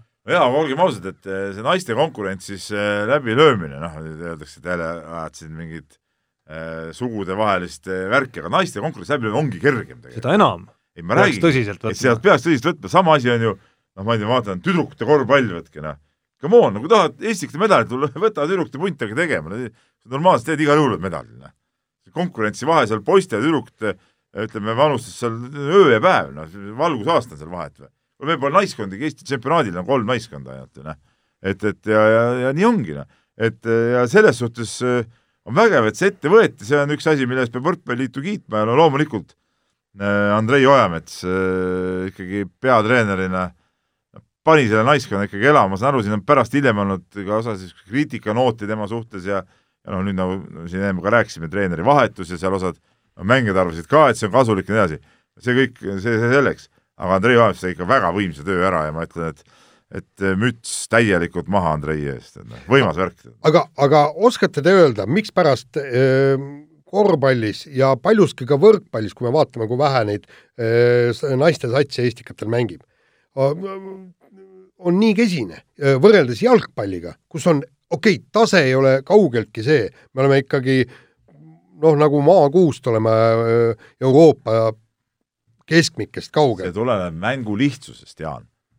jalgpalli seal naiste liigas, seal võib ju igaüks minna mängima, mäletan, töötasin Postimehes, mul oli seal noor kolleeg Kadi Parts, kes oli seotud ühe Tartu äh, jalgpalliklubiga ja seal oli ka, jõudsid mingid esindusmeeskonnad seotud tasemele, siis pidid panema välja ka naiskonna. panid kuskile harrastusliigasse, Kadi läks ka sinna mängima polnud ta mingi jalkatrenni eh, tegelane ega midagi, rääkis, et tagus seal küll, polnud häda midagi, et see ongi see, jalka on nii lihtne mäng, igaüks suudab palliga jala ette lüüa kokku. no ma arvan, et me siin täit äh, vastust ei tea muidugi, seal on nagu alumised Teame. liigad olemas, palju seal nüüd neid kokku mängivad ja nii edasi ja nii edasi. väga seal, palju. Ei no ma mõtlengi, et üks asi on palju meistriliigas, on teine asi on, sul on madalamad liigad ka. jaa, aga Peep nagu mul ongi lihtne, see on olemuselt lihtne mäng, selle, sellel põhinebki jalgpalli globaalne populaarsus, et ta on ju ta on ju, ta ei ole nii intelligentne mäng kui korvpall. aga koondise tasemel edu saavutamise koha pealt ei ole see, Jaan, mis sa küsisid üldse võtmeküsimus, vaid on see võtmeküsimus, et oleks naisi, kes hakkaks professionaalseks äh, sportlaseks. Aga, aga... see on see, millest korvpallis noh, mis vahepeal oli nagu null täitsa puudu. justkui oli mingi vanuseni seal äh, natukene nagu oli ja siis nad kadusid kõik nagu ära ikkagi. No, kes või... ei olnud valmis välismaale minna, kes ei tahtnud, kes ei õnnestunud ja nii edasi äh, Eesti Vabariigis on pooled mehed, pooled naised, pooled poisid, pooled tüdrukud, kus pagana trennides need tüdrukud käivad, kui, kui on poiste korvpallitrenne, ma ei tea, võrkpallitrenne on kõik kohad täis, siis peaks ju tegelikult tüdrukuid sama palju ka, kuidas tüdruk, sul tüdrukud joonistavad salmikutesse pilte ja ja, ja, ja noivikud koolis. tantsivad. noh, ja tantsivad. no sporti ju tehti omal ajal ju. miks praegu ei tehta? nii on kusjuures noh, kusjuures võrkpall võiks olla just see ala, noh, kui me räägime, mis, mis, mis naistele väga hästi sobiks ka. no aga seal on pikkust vaja, vot see on see miinus. jalgpallis pole pikkust vaja, ikka seal sa ikka pead meeter kaheksakümmend olema. palju meil on neid meeter kaheksakümmend, meeter üheksakümmend?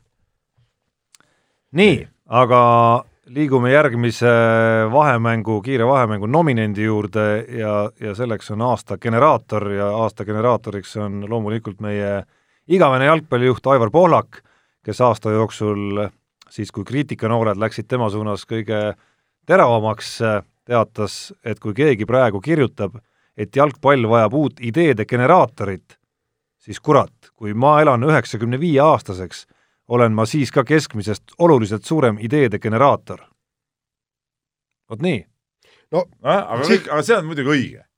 me võime Aivar Pohlakut kritiseerida, ütleme tema neid teatud asju ja, ja, ja õigusega kritiseerida, aga noh, ega tal neid ideid ju ikkagi on, see on fakt ja ja, ja, ja ta on ikkagi äh,, ikkagi teatud mõttes ikka fenomenaalne persoon ikkagi, midagi pole teha, nii no. on. ütleme niimoodi, et, et ideid on ju meil kõigil ja nagu ma no, no Jaanil, Jaanil muidugi. kusjuures ma ütlen, kusjuures ma ütlen ausalt, äh, ma ei ole kindel, kumb üheksakümne viieselt on kõvem generaator, kas Jaan Martinson või Aivar Pohlak. ei kuule, oota, ei ma, ma räägin, ideede genereerimine, selles ei ole midagi. ma ütlen, Äh, tahate, et, et kuidas võidab, äh, nagu me seal saat-, äh, saates, kui meil see teemaks oli, et kuidas Kalev Cramo tuleb ühisliiga meistriks. palkame Lembron Jamesi, Luka Dontšitsi, võtame seal veel mõned mehed, kõik niisugusel tasemel vennad palkame, mul on hea idee. on ju hea idee, pole ju halb. idee teostama ja Olmar no, Pohlak on suutnud ka ideid teostada. no jah, täpselt, null kaheksa Saksamaale, väga no, hea idee. No ma ei tea, ma, ma nagu mingisuguse Pohlaku mingis kaitseingli mingisse rolli siin, aga aga no tegelikult äh, olgem ausad, Pohlak on ikkagi Eesti jalgpalli jaoks ikka väga palju teinud ka. ei, ta on väga palju teinud, aga tulemust ei ole, me räägime tulemusest. me räägime sellest, et EM-finaalturniiril mängida. see on hea, see on absoluutselt hea, et seitseteist tuhat poissi mängivad jalgpalli või tähendab inimest üle Eesti mängivad jalgpalli, väga vinge, kõik, kõik on jõle tore, eks, aga, aga noh, nad on tervised sportlased ikkagi lõppkokkuvõttes tulemuste poolest. põhitabel, põhitabel, Jaan, koht number neli. see ja. oli nüüd koht, kus tunneta, tunneta ära, Jaan, vaata, sul lause lõppes, paus kandis natukene ja, ja sujuvalt selle... koht number neli, ei vastupidi, vastupidi, kõik, kõik, kõik, mis sa nüüd lisad sellele, see kuidagi hakkab devalveerima seda, mis sa veel, mis sa juba ütlesid. Maicel Uibo, meie kümnevõistleja, tuli MM-il hõbedale ja mis oli väga vinge muidugi visavend. ja peale selle on meie kümnevõistlus on taas särama löönud, ikka täiega särama löönud ja lisaks temal on ju Janek Õiglane, Johannes Erm, kõik nad lähevad olümpiale. Peep, sa nägid seda hõbedat. ma kujutan ette, et, et see emotsioon oli seal ju tegelikult võimas. no võimas emotsioon, ei, mina ütlen nii, et see Maicel Uibo hõbe, ütleme niisugune, ütleme selle spordihetke emotsioonis oli selle aasta kõige kõvem asi, tead. ütleme just see, kuidas see, ütleme see teine päev kulges, kogu selles, ütleme selles punktide virvarris, see arvutamine, noh, ma olin ise staadioni peal seal, kuidas me vaatasime, et see tuleb, ei, see langeb ära, see oli ju seal, no täismäng käis ju kogu aeg, tead.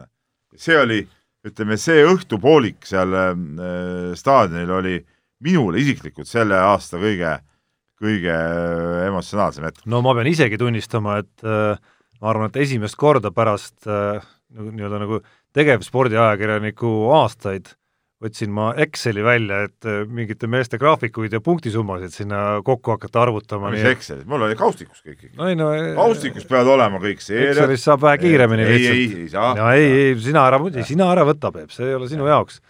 sul noh, kalkulaatorid kasutasid arvutamiseks kaks tuhat viissada seitsekümmend üheksa miinus kaks tuhat kolmsada kakskümmend üks kasutusele, miks?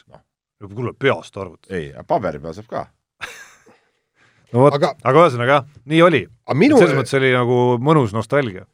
Minu emotsioon oli ikkagi see, ma olin kuskil mingil rallil jälle, Peep saatis mind, tont teab kuhu. Kus sa said olla? samal ajal. Kataloonia. Wales, Wales. Walesis võisid olla. Ja, ja tuleb tunnistada, on see, et, et ähm, kui Gert võitis äh, hõbemedali ja ma vaatasin seda tulemust, siis ma olin pettunud. tegelikult ma olin, äh, ma olin pettunud, et see äh, Kirt kaotas odaviskes siiski kulla. vaatad tulemust ja pagan, sa oled maailma esinumber, sa oled üle üheksakümne laksinud. Sa oled teemantliiga võitja ja sa peaksid võitma tegelikult kulla selle tulemuse peal. aga öö, kui Michael Uibot vaatasin, no see oli nii selgelt võidetud hõbe, et, et need olid kaks täiesti erinevat see oli võidetud hõbe jah, see oli, see oli ikkagi, noh, see oli kõva sooritus, ütleme, ja just, et seda tiitlivõistlusel lõpuks ta suutis ka niisuguse vägeva võistluse kokku panna, nagu öeldakse kümnevõistluste kohta, eks ole, et see oli, see oli uhke ja, ja tegelikult eh, seal ju varu ehk potentsiaali jäi ju sisse veel ka omajagu. Noh, pluss, eks ole, see taust sealjuures teha seda olukorras, kus A on olnud vigastusi, B on olnud ka niisugust nagu mahakandmist natukene siin, et mis see Uibo ei tule sellest Uibost midagi, ei, pole vaja talle toetust ka maksta, on ju, siin sise, sisesuurvõistluste medali eest ja nii edasi ja nii edasi, et, et need asjad lisasid minu arust ka nagu mõnusat vürtsi sinna veel juurde, pluss no ma ei taha nüüd Jaani, ütleme, Jaani moodi libedale teele minna, aga tulles nüüd selle sissejuhatuse juurde tagasi, hirmsasti see Excel sügeleb seal, kui, kui mõelda veel Janek Õiglane ja Johannes Erm ka ja olümpiahooaeg ja, ja, ja kõik tuleb, asjad sinna juurde, tõsi, siin tuleb nagu võtta ja, nüüd nagu rahulikumalt natukene. ei, seda küll. nii nagu, nii nagu korvpallurite puhul rääkisime, et, et noh, siin igaüks natukene peaks siiski juurde panema. jaa, aga vaata, vahe ongi selles, et korvpalluritel ei ole veel mitte midagi, aga ütleme, nendel vendadel on juba midagi. Uibo mm hõbe, õiglane mm neljas ja kuues, ERM Äh, mis ta oli siis äh, juunioride EM-i, U kakskümmend kolm EM-i hõbe, eks ole. kusjuures no ilmselgelt siiski nagu saavutasid ja ta kaotas ju hiljem maailmameistriks tulnud mehele. just, ja ilmselgelt ja tundub, jah, tundub tema ja. potentsiaal nendest kõikidest siiski paberil vähemalt veel ka kõige kõrgem pikas jooksus. seda me veel ei tea. Aga jah, ei muidugi ta potentsiaali on. et selles suhtes ütleme, see kümnevõistlus, mis maailma mõistes selles spordis, kergejõustikus, ei ole nagu mingi eriline ala, öeldakse küll, et noh, kergejõustiku äh, kuningas on see kümnevõistluse võit ja nii edasi. noh, tegelikult noh, ta on niisugune nii ja naa, et pooled inimesed, mis pooled, üheksa protsenti midagi aru ei saa, mis seal toimub, eks ole. siis ütleme, eestlaste jaoks on kümnevõistlus ikka niisugune, niisugune ekstra värk ja need kaks päeva on ikka nagu, ikka see on nagu puhas niisugune äh, orgasmieelne seisund nagu kogu aeg. Peep, kuule, olümpiamängudel kui on sama mina lähen staadionile, sina teed muid asju. no jaa, aga seal tuleb maadlus, võib-olla tuled, lähed ma maadlust vaatama. vaata, ei, nii on nii on. meil on põhitabelis jäänud veel esikolmik, aga kolm kohta on jäänud ka meie Kiigre vahemängu aasta pärjatute listis ja järgmine tegelane selles nimekirjas on Narva Transi jalgpalliklubi president Nikolai Burdakov, kellele me anname aasta tsitaadimeistri tiitli ja selle tsitaadi ma esitaks selle ise siis? esitab meile jaa, absoluutselt Peep, sest seda suudab no ilmselgelt tema kõige paremini äh, Äh, esitada ja, ja järgneva tsitaadiga sõimas ta siis oma klubi mängumeest Senegalist Abdoulaye Diallot palun, Peep, lava on sinu. ma olen nagu Nikolai Burdakov klubi me teame küll originaalis seda eestikeelsena, keegi on selle juba vene keelest juba juba siiski ma nagu ihastuksin seda päris juba, juba pannud, eks ole, eesti keelde, aga Peep, Peep nüüd ikkagi transleerib tagasi selle. ja ütleme, Jaan on siis õnnetu Eh, Diallo, eks ole senegallane senegallane ja siis nii. Иди, ехай обратно в свой Сенегал, нахуй. Если ты все время травмированный. Все время! Нахуй нам нужны такие игроки. А пошел ты, president, тоже туда же. seda muidugi Diallo öelda ei osanud. Diallo pobises midagi oma suguharu keeles võib-olla ja, ja sõitis, sõitis minema. nojah no, no, no mis seal öelda. vot jälle, ma ütlen, Bordakov, värvikas mees, noh ja mulle meenub, et ta ta on varem ka nagu mulle meenub, et ta paistis silma lõppenud aastal, kas, kas ta ei, kas temal ei olnud ka see case, kus ta pidi treeneri vallandama, kuna see liiga hästi mängis? jah, oli küll. ja siis ta oli välja teeninud mingisuguse palgatõusu või mingi asja ja, ja siis, et see asi lahendada, tuli vallandada. ei, no ta on ajalooliselt, on Murdakov on seal Narvas igast asju korraldanud ja ütlen, et nii nagu meil oli juttu sellest Jansenist, ma ütlen, Burdakov ka, jaa, et on niisuguseid äh, värvikaid tegelasi ikka Eesti spordis. ja kusjuures vene keeles neid äh, nahhu ja pljääd ja neid ei tasu liiga tõsiselt võtta. Need ei ole, need ei ole roppused. Need on vahesõnad. vahesõnad, jah. jah, ja see on, see on täpselt nii, nagu inglise keeles äh, fuck on, eks noh, mingi unfuck believable, eks ju, noh, sa, sa ei võta ju seda öö, otseses mõttes. on ju, Tarmo? ei, ei võta. müts maha härra Burdakovi ees või seltsimees peaks ilmselt oh, ikka seltsimees, jah. ikkagi, ikkagi ütlema, sellega, sellega koos läheme põhitabeli kolmanda koha juurde ja jääme kergejõustiku ja Doha MM-i juurde, mis, mis võib-olla oleks väärinud ka mingit eraldi vahemängu kohta oma tühjade tribüünidega, see selleks, las need praegu jääda, aga kolmandale kohale põhitabelis pürgis Magnus Kirt oma odaviske hõbemedaliga, mida samal hetkel varjutas kahjuks ka vigastatud õlg, mis päris kõvad küsimärgid paneb olümpiahooaja ja tegelikult kogu järgneva karjääri koha peal püsti. no Jaan tegelikult natuke juba sel teemal ka rääkis ja, ja ega Jaaniga tuleb nõustuda, et, et noh, Kirdi hooaeg oli ju tegelikult võimas, hooaja edetabeli juht, viimase vissega teemantliiga võit, noh, kõik see oli nagu tore MM-il noh, paratamatult oled sa suur soosik number üks niisuguste tulemuste ja asjade pealt minnes, et aga ütleme selleks, kui Õlga vigastas ka, ega ta ei olnud nagu liider ja, ja lõpuks pidigi leppima selle teise kohaga, ei saanud lõpuni võistelda. et, et mõnes mõttes jah, võib öelda, et see oli ütleme, see ei olnud nii võidetud medal kindlasti kui Uibo kümnevõistluse medalid, ma, ma pean Jaaniga no, täiesti nõustuma. pluss, see emotsioon sealjuures, mis, mis noh kogu see negatiivsus. jaa, et, et ükskõik kui palju üritasid seal kommentaatorid kas või kuidagi nagu hurraatada ja ja, ja, ja, ja, ja nagu niisugust triumfihõngu üles lükata, siis olgem ausad, kohe kui sa nägid seda vigastust, tekkis küsimus, et oot, kas, kas siin on nagu äkki karjääril, karjäärile päris korralik põnts pandud praegu? see, see oli vähemalt minu seda, esimene emotsioon. seda me ei tea siiamaani tegelikult. ei muidugi ei tea, see selgub vaatamata sellele, et siin need kostuvad niisugused, kuidas ma ütlen, nagu äh, positiivsed noodid kogu sel teemal siis me ei tea nagu siiamaani tead, mis värk on. ja ega no, meie ei tea, ei, ei tea ka nemad ise, mitte keegi ei saagi teada. ei, Kirt ka ei tea ja, ja arstid ei tea, mitte keegi ei tea, et kuidas ta sealt välja tuleb. seal võib olla niimoodi, et, et käsi on terve, okei okay,, võiks visata, aga tal on psühholoogiline plokk. võib ka nii juhtuda täiesti. et, et, et see on selles mõttes karm, aga siin tuleb ikkagi öelda, et äh, vend lahkus äh, areenilt, kui ta tõesti juhtub niimoodi, et, temast enam viskemeest ei saa, ikkagi medalitega.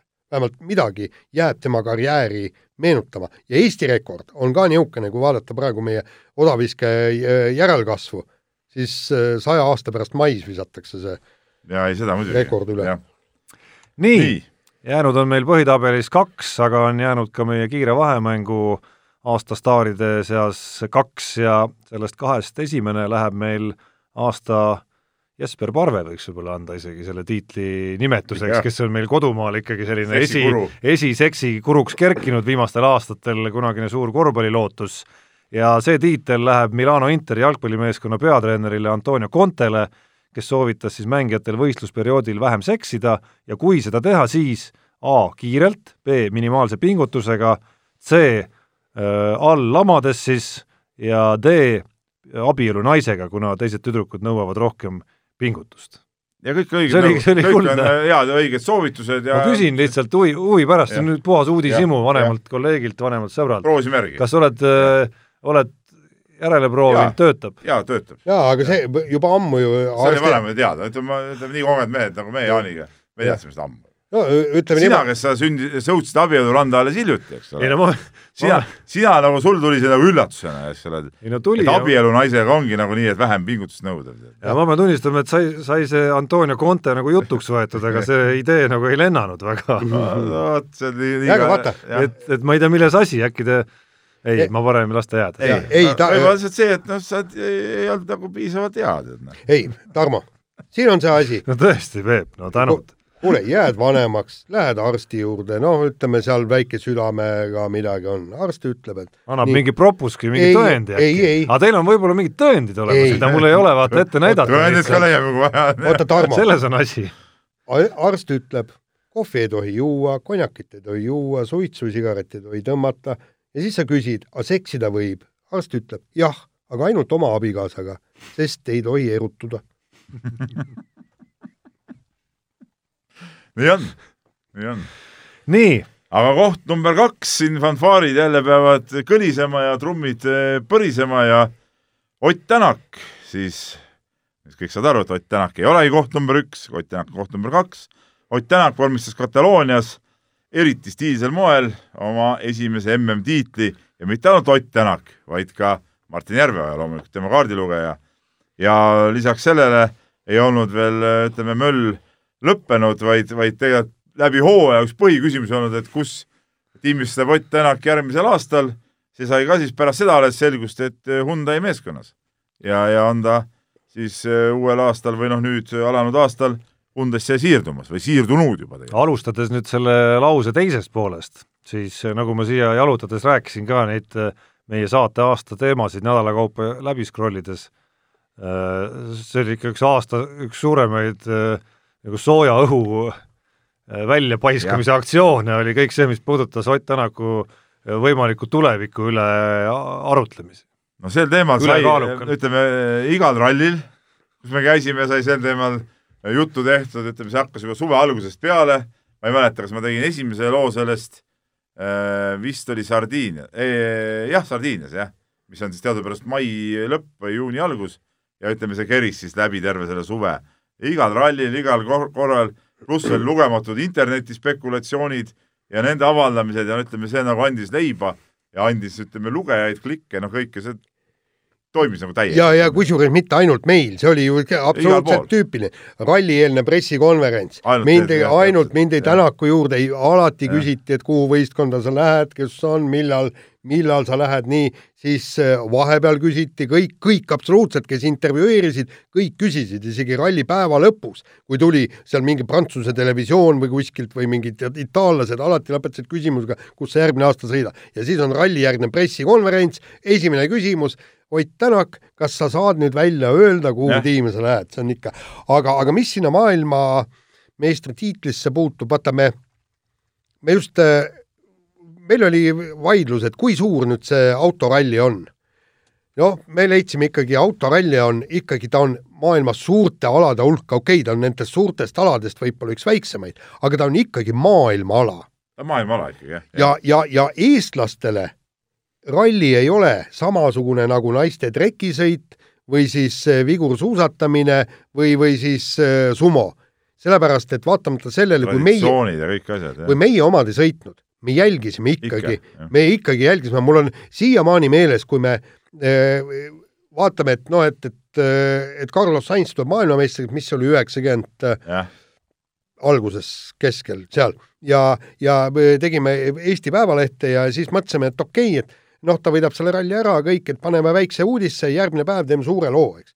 ja siis, kui selgus, et, et Sainzil see masin jäi seisma kolmsada meetrit enne, enne finišit ja, ja Tommy Mäkinen sai oma maailmameistritiitli, siis selle peale tehti terve leht üm, ümber ja, ja, ja see tõmmati kohe suureks. ja, ja, ja siis ei sõitnud ju eestlased ei sõitnud. No, teine asi see, et kui samas ütleme... vormeli tähelepanuga see pole ikkagi võrreldav. ei no seda küll. läbi aegade. jaa, seda küll. aga mis ma tahan ralli kohta öelda, et et kui olid aastad, kui meil näiteks Urmo Aava sõitis juunior WRC sarja, praegu me... juunioride sari saab meil, eks ole, kolm rida, kuna meil on WRC sõitja, aga siis meil WRC sõitjat polnud ja. Urmo Aava pärast me käisime välismaal, me käisime MM-rallidel, käisime reaalselt kohal ju. ja põhimõtteliselt mina pool. Õhtulehest, sina Postimehest. ja täpselt ja, ja, ja ma veel jõudsin isegi Õhtulehe aeg käia. et, et äh, nii oligi noh, ja saigi käidud niimoodi. ja kui Urmo Aava läks sinna WRC-ga sõitma, siis me läksime ka Kreekas, jah, täpselt jah. ja, ja noh ja tahan öelda Ott Tänaku ja Martin Järve kohta, mehed võtsid selle ära, mis juba tükk aega neile kuulus, lihtsalt see on nagu, see on nagu väga-väga, siin pole midagi juurde rääkida, sest nii palju räägitud nendest teemadest. ma ei teagi, mis nad peaks tegema,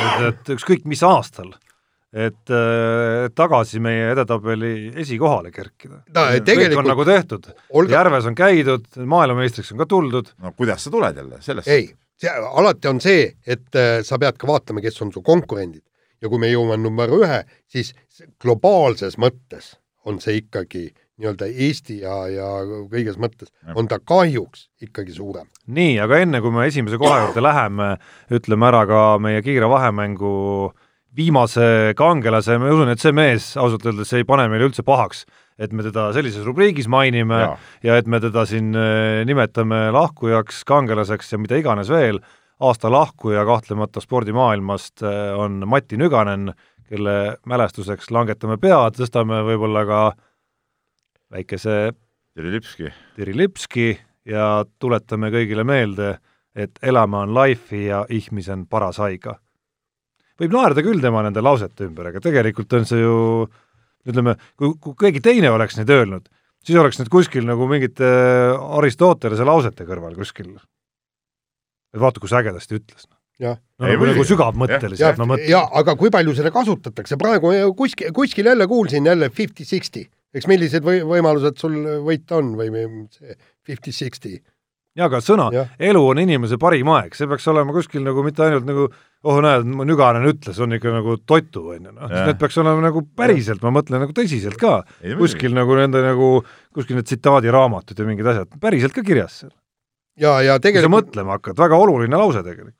Mina ei mäleta, kui palju teie, teie seda Nüganeni aega ei, mäletate. mina mäletan väga hästi seda, mis on välja tehtud, see just, ei no minu, kaheksakümmend kaks tema esimene võit tuligi, mäletad, kuulsa tibutantsu saatel ju. Just. jah, no minu spordihuvi tärkamise aeg oli kaheksakümmend seitse, kaheksakümmend seitse ja see Kas see oli selle udushüppamine või? udushüppamine, jah. Jaa, jah.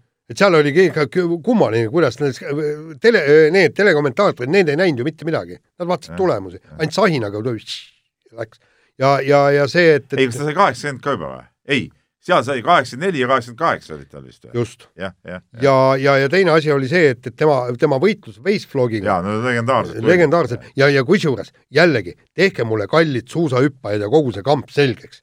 me räägime praegu mingid tuulekompensatsioonid, ühel on parem tuul, teisel halvem tuul, võtame sealt punkte maha, paneme siit punkte juurde. Nügane ajal ei olnud ju mitte midagi niisugust, ikka õiged Iga- mehed võitsid. ikka õiged mehed võitsid Jah. ja ükstapuha, mis tuulega, vastutuul, taganttuul, Jah. ikkagi vennad lendasid. kuidas saab siis nii olla, miks nüüd praegusele lumehelbekeste no põlvkonnale aga jaa, sa ütlesid kõik õigesti välja, siin rohkem pole vaja lisada, lumehelbekeste põlvkond. aga nüüd trummid põrisevad,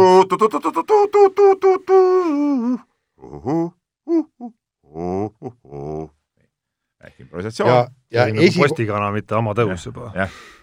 Aga esikohal jah, nii kahju, kui see ka ei ole, on meil suusatajate dopinguskandaal Seefeldi MM-il ja, ja see pani ikkagi ütleme nii, et, et äh, ma kardan, et, et väga pika ja põhjaliku põntsu kogu, kogu Eesti talispordile ma kardan, et mingil määral ka kogu spordile riivamisi äh, pandi siin hoope ja, ja tegelikult vaata, kui me äh, mäletad seda, kui istume siin, ahaa, kohe hakkab Seefeldis äh, viisteist klassikat, eks istume, järsku tuleb kuskilt uudis, et äh, on äh, eestlaste, eestlased on öö, viidud, mina olin Glasgow's kergejõustiku EM-il samal ajal. Ma mäletan väga elavalt, kuidas ma tulin jo, jooksin umbes sporditoimetusse ja ja, ja siis oli seal esimene küsimus kohe, et Jaan üritas Mati Alaveri kaudu mingit lisainfot saada, et kas kas Mati Alaver teab midagi Ja- ja, Mati Alaver üritas sulle väita, et oi, ta pole üldse midagi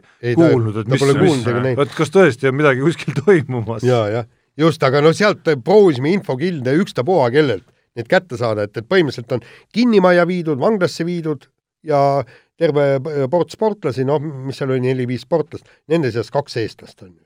Esialgu nagu ei saanud, aga noh, juba hakkasid vaikselt katlema ja siis, kui hakkas see tilkuma ja siis kõik see, mis äh, meil Gunnar Leheste tegi sealt Seefeldist koha pealt ja kõik, kõik see ja mida meie siis äh, nägime, lugesime, kuulsime, et, et ütleme niimoodi, noh, see, see oli paras vapustus, kuigi mitte üllatus. mitte üllatus, jah. vapustus, vapustus oli see, et et nad niimoodi vahele lõpuks jäid. no eks seal mingid, mingid momente olid, mis ma arvan, isegi ületasid teiesuguste ka kogenud kalade mingit üllatuspiiri, noh, kas või see Andrus Veerpalu ja, ja tema poja telg veel seal No juures see no kindlasti, see jah., see on nagu kõige käsitlematum asi kogu selle loo juures muidugi. jaa, aga, aga, aga see näitab jällegi, nüüd see viibki meid ajas siis äh, aastaid ja aastaid, kümnendeid tagasi, kui Andrus Veerpalu ise tuli, ise tuli, hakkas äh, sõitma, korralikult sõitma, meil ei ole mingeid tõendeid, et kust need tulemused tulid. ei muidugi ei ole noh, ja, ja Aga- noh, eks see no meil on nii see-, no nii palju siiski on, et et ta on dopingukontrollis jäänud vahele. ei no muidugi ja kogu see Ja- suusatajate värk on lihtsalt, nüüd on nagu ametlikult ja lõpuni eh, nagu tõrvaga üle valatud, ega siin midagi muud ei olegi. Jah. ja nii ongi. noh, üks, mis sellest äh, võib-olla nagu head siis sündis, kui, kui otsida selle mängu juures nagu seda poolt, on, on ikkagi see, et äh, Eesti spordiseadus sai mingisugust äh, kohendust lõpuks ometi. et huvitav, et seda kusjuures kriminaliseeritud. huvitav, et seda esimese korra järel veel, veel kuidagimoodi ei tehtud, aga see praegune näide oli lihtsalt nii markantne, siin olid tõesti, inimesed viidi trellide taha, sportlased viidi trellide taha. et, et see, et see kõik oli nii markantne ja teisalt ka nagu uskumatu, et neid inimesi, mulle tundub, oli veel päris palju, kes elasid pärast eelmist skandaali ja rahvusvahelises spordikohtus õigeks mõistmist ja kõike seda, elasid nagu mingisuguses äh, uimas või mingis illusioonis, et et, et ta nagu ka sisuliselt mõisteti õigeks, kuigi tegelikult oli see formaalsus. ja huvitav, kas need teadlased, kes selle kõik selle su suure töö ära tegid ja, ja nii-öelda Andrus Veerpalu puhtaks pesid, kuigi kõik need kasvuhormooni piirarvud ikkagi mahtusid sinna, aga siis spordikohus nagu ütles, et noh, seal leidis mingisuguse kahtlase põhjenduse, ütles, et, et ta tarvitas küll kasvuhormooni, aga et kas need teadlased tunnevad ennast endiselt uhkena ja, ja leiavad, et nad ajasid õiget asja? või see, et, et ikkagi äh, patune mees pu-, pesti puhtaks? vot see on see küsimus. no see on see küsimus jaa, ja teine asi on, on muidugi see, et mis, mis ma ütlen, nagu õnneks, vaata sa ütlesid ka, et viid trellida, et õnneks see asi eh, tuli avalikuks just niisuguses riigis, kus asju, dopinguasju käsitletakse väga karmilt, eks ole, ehk siis Austrias.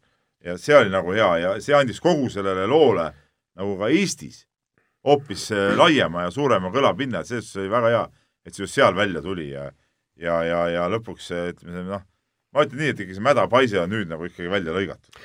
no, no määral. ja mingil määral. no ikka, ei mitte mingil määral no tegelikult ikkagi on välja lõigatud, nüüd nagu ei ole nagu, kellelgi ei saa olla mingit kahtlusi jaa, aga teine asi on ju see, et, et me, meil ei ole veel ju neid äh, nii-öelda pabereid tulnud, et mille pärast äh, mõisteti äh, süüdi ei, Andrus Veerpalu. ei, ei, lahti ots muidugi on, jah, jah, jah. aga, aga, aga ma veel kord ütlen. ja meil ma... ei ole ka, ja meil ei ole ka seda selgust, kui kindral siis oli Mati Alaver. jah no. sest need kohad on, äh, mis ja seda tead, seletaks, on, äh, on nii-öelda avalikul, avalikuks kasutuseks antud no, materjalidest see, kinni kaetud. see oli puhas sigadus, see oli puhas sigadus Eesti kohtu poolt. ja ma loodan, et see ja noh, ju tegeleme sellega, et see, et see saaga ei ole nagu läbi ikkagi, mis puudutab seda. ma arvan, et me pole keegi pädevad hindama, äh, kui palju on lootust nii-öelda vaidlustamise teel saavutada see, et need materjalid avalikuks saaks või vähemalt natukenegi avalikumaks. aga no ma arvan, et praegu, see meie usk ei maksa siin iseenesest nagu midagi, aga lihtsalt nendes mõtetes, ma, ma aga see, aga, aga ma, hea, et see võitlus nagu tuleb. Ja, ja veel kord, ma soovitan äh, lüüa Youtube'i sisse, otsida üles videod Me usume Andrus Veerpalusse, kui Tartu käest äh, kinni, käest kinni tuiati seal ja, ja no inimesed võiksid seda vaadata. väga õige tähelepanu. ja, ja, ja ausalt öeldes see oli hale naljakas, mis seal toimus jaa, mulle, ma, ma üritasin siin vahepeal, klõbistasin, ma tahtsin äh, välja otsida, mis oli see doktori nimi, mäletate, kui see Andrus Veerpalu uudis Laasik. esimesena tuli? Laasik, jah. Doktor Laasik, vot nimelt, see doktor, kes professor või doktor Laasik? see doktor, kes, äh, kes äh, näitas tulpdiagramme. kes näitas mingeid, kas Jaak Mae hemoglobiini mingeid norme, mingeid piirnorme mingeid asju seal, kõige esimesel pressikonverentsil oli lihtsalt nii-öelda vett toodud segama sinna ja. kunagi jah, aga no ütleme, see on meie teadlane ja kas siis ja. tõesti meie teadlased niisugused on või? järelikult on. Ei maksa nüüd äh, kõiki Eesti teadlasi hakata, hakata nagu ühe, ei, seda nüüd kindlasti. ühe, ühe kuidas ma ütlen, no antud juhul ikkagi väga selgelt nagu petturite kamba pärast äh, risti lööma. aga nii, aga vaata, Tarmo, nagu me ütlesime saate alguses, me oleme kaks tundi kuskil olnud eetris juba, eks ole, ütlesin äh, saate alguses, et aasta oli Eh, kesine, siis vaata nüüd, ega siin midagi ju rõõmu ja õnne siin ei olnud, tõesti, kui me selle tabeli kokku võtame, nii on. no kuus medalit, kuus medalit, kaks kulda, kaks muidugi oli medaleid ja oli rõõmuhetki no, rohkem. üks Eesti spordiajaloo suuremaid skandaale, kui mitte suurim no,, autoralli kas... maailmameister. see skandaal on siis nüüd hea, ei ole no, hea? ma ei ütle hea, odaviske, odaviske MM-ilt kaks, tähendab kergejõustiku MM-ilt kaks medalit. nõus, aga rohkem oli meil ikkagi niisuguseid nagu nii ja naa või, või negatiivsed teemad. Eesti naised EM-finaalturniiril, Kelly võrk... Sildaru maailmameister. võrkpallurite põrumine, jalgpallurite põrumine ta, ta, ta, ta, ta, ta, ta. ei tea, päris kepsakas, ma ütleks siiski. laskesuusatajate ta-, võimas tõus. aga tabeli siis avaldame ka meie Facebooki lehel, jah? no kõigepealt avaldame saate ikka ära, muidu pole põhjust lõpuni vaadata, kuulata. ei, seda küll, aga hiljem. hiljem, jah. ja võite kommenteerida seda. nii on nii, aga egas midagi. kas meie saadet jääb lõpetama laul või kuidas sellega oli, Tarmo? ei tea, see nüüd nagu ei ole võib-olla väga tervislik seda nagu veel lasta siin või arvate, et oleks või?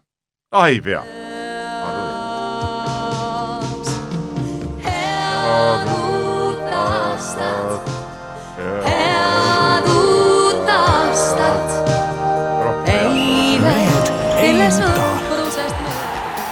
Saate tõi sinuni Unibet, mängijatelt mängijatele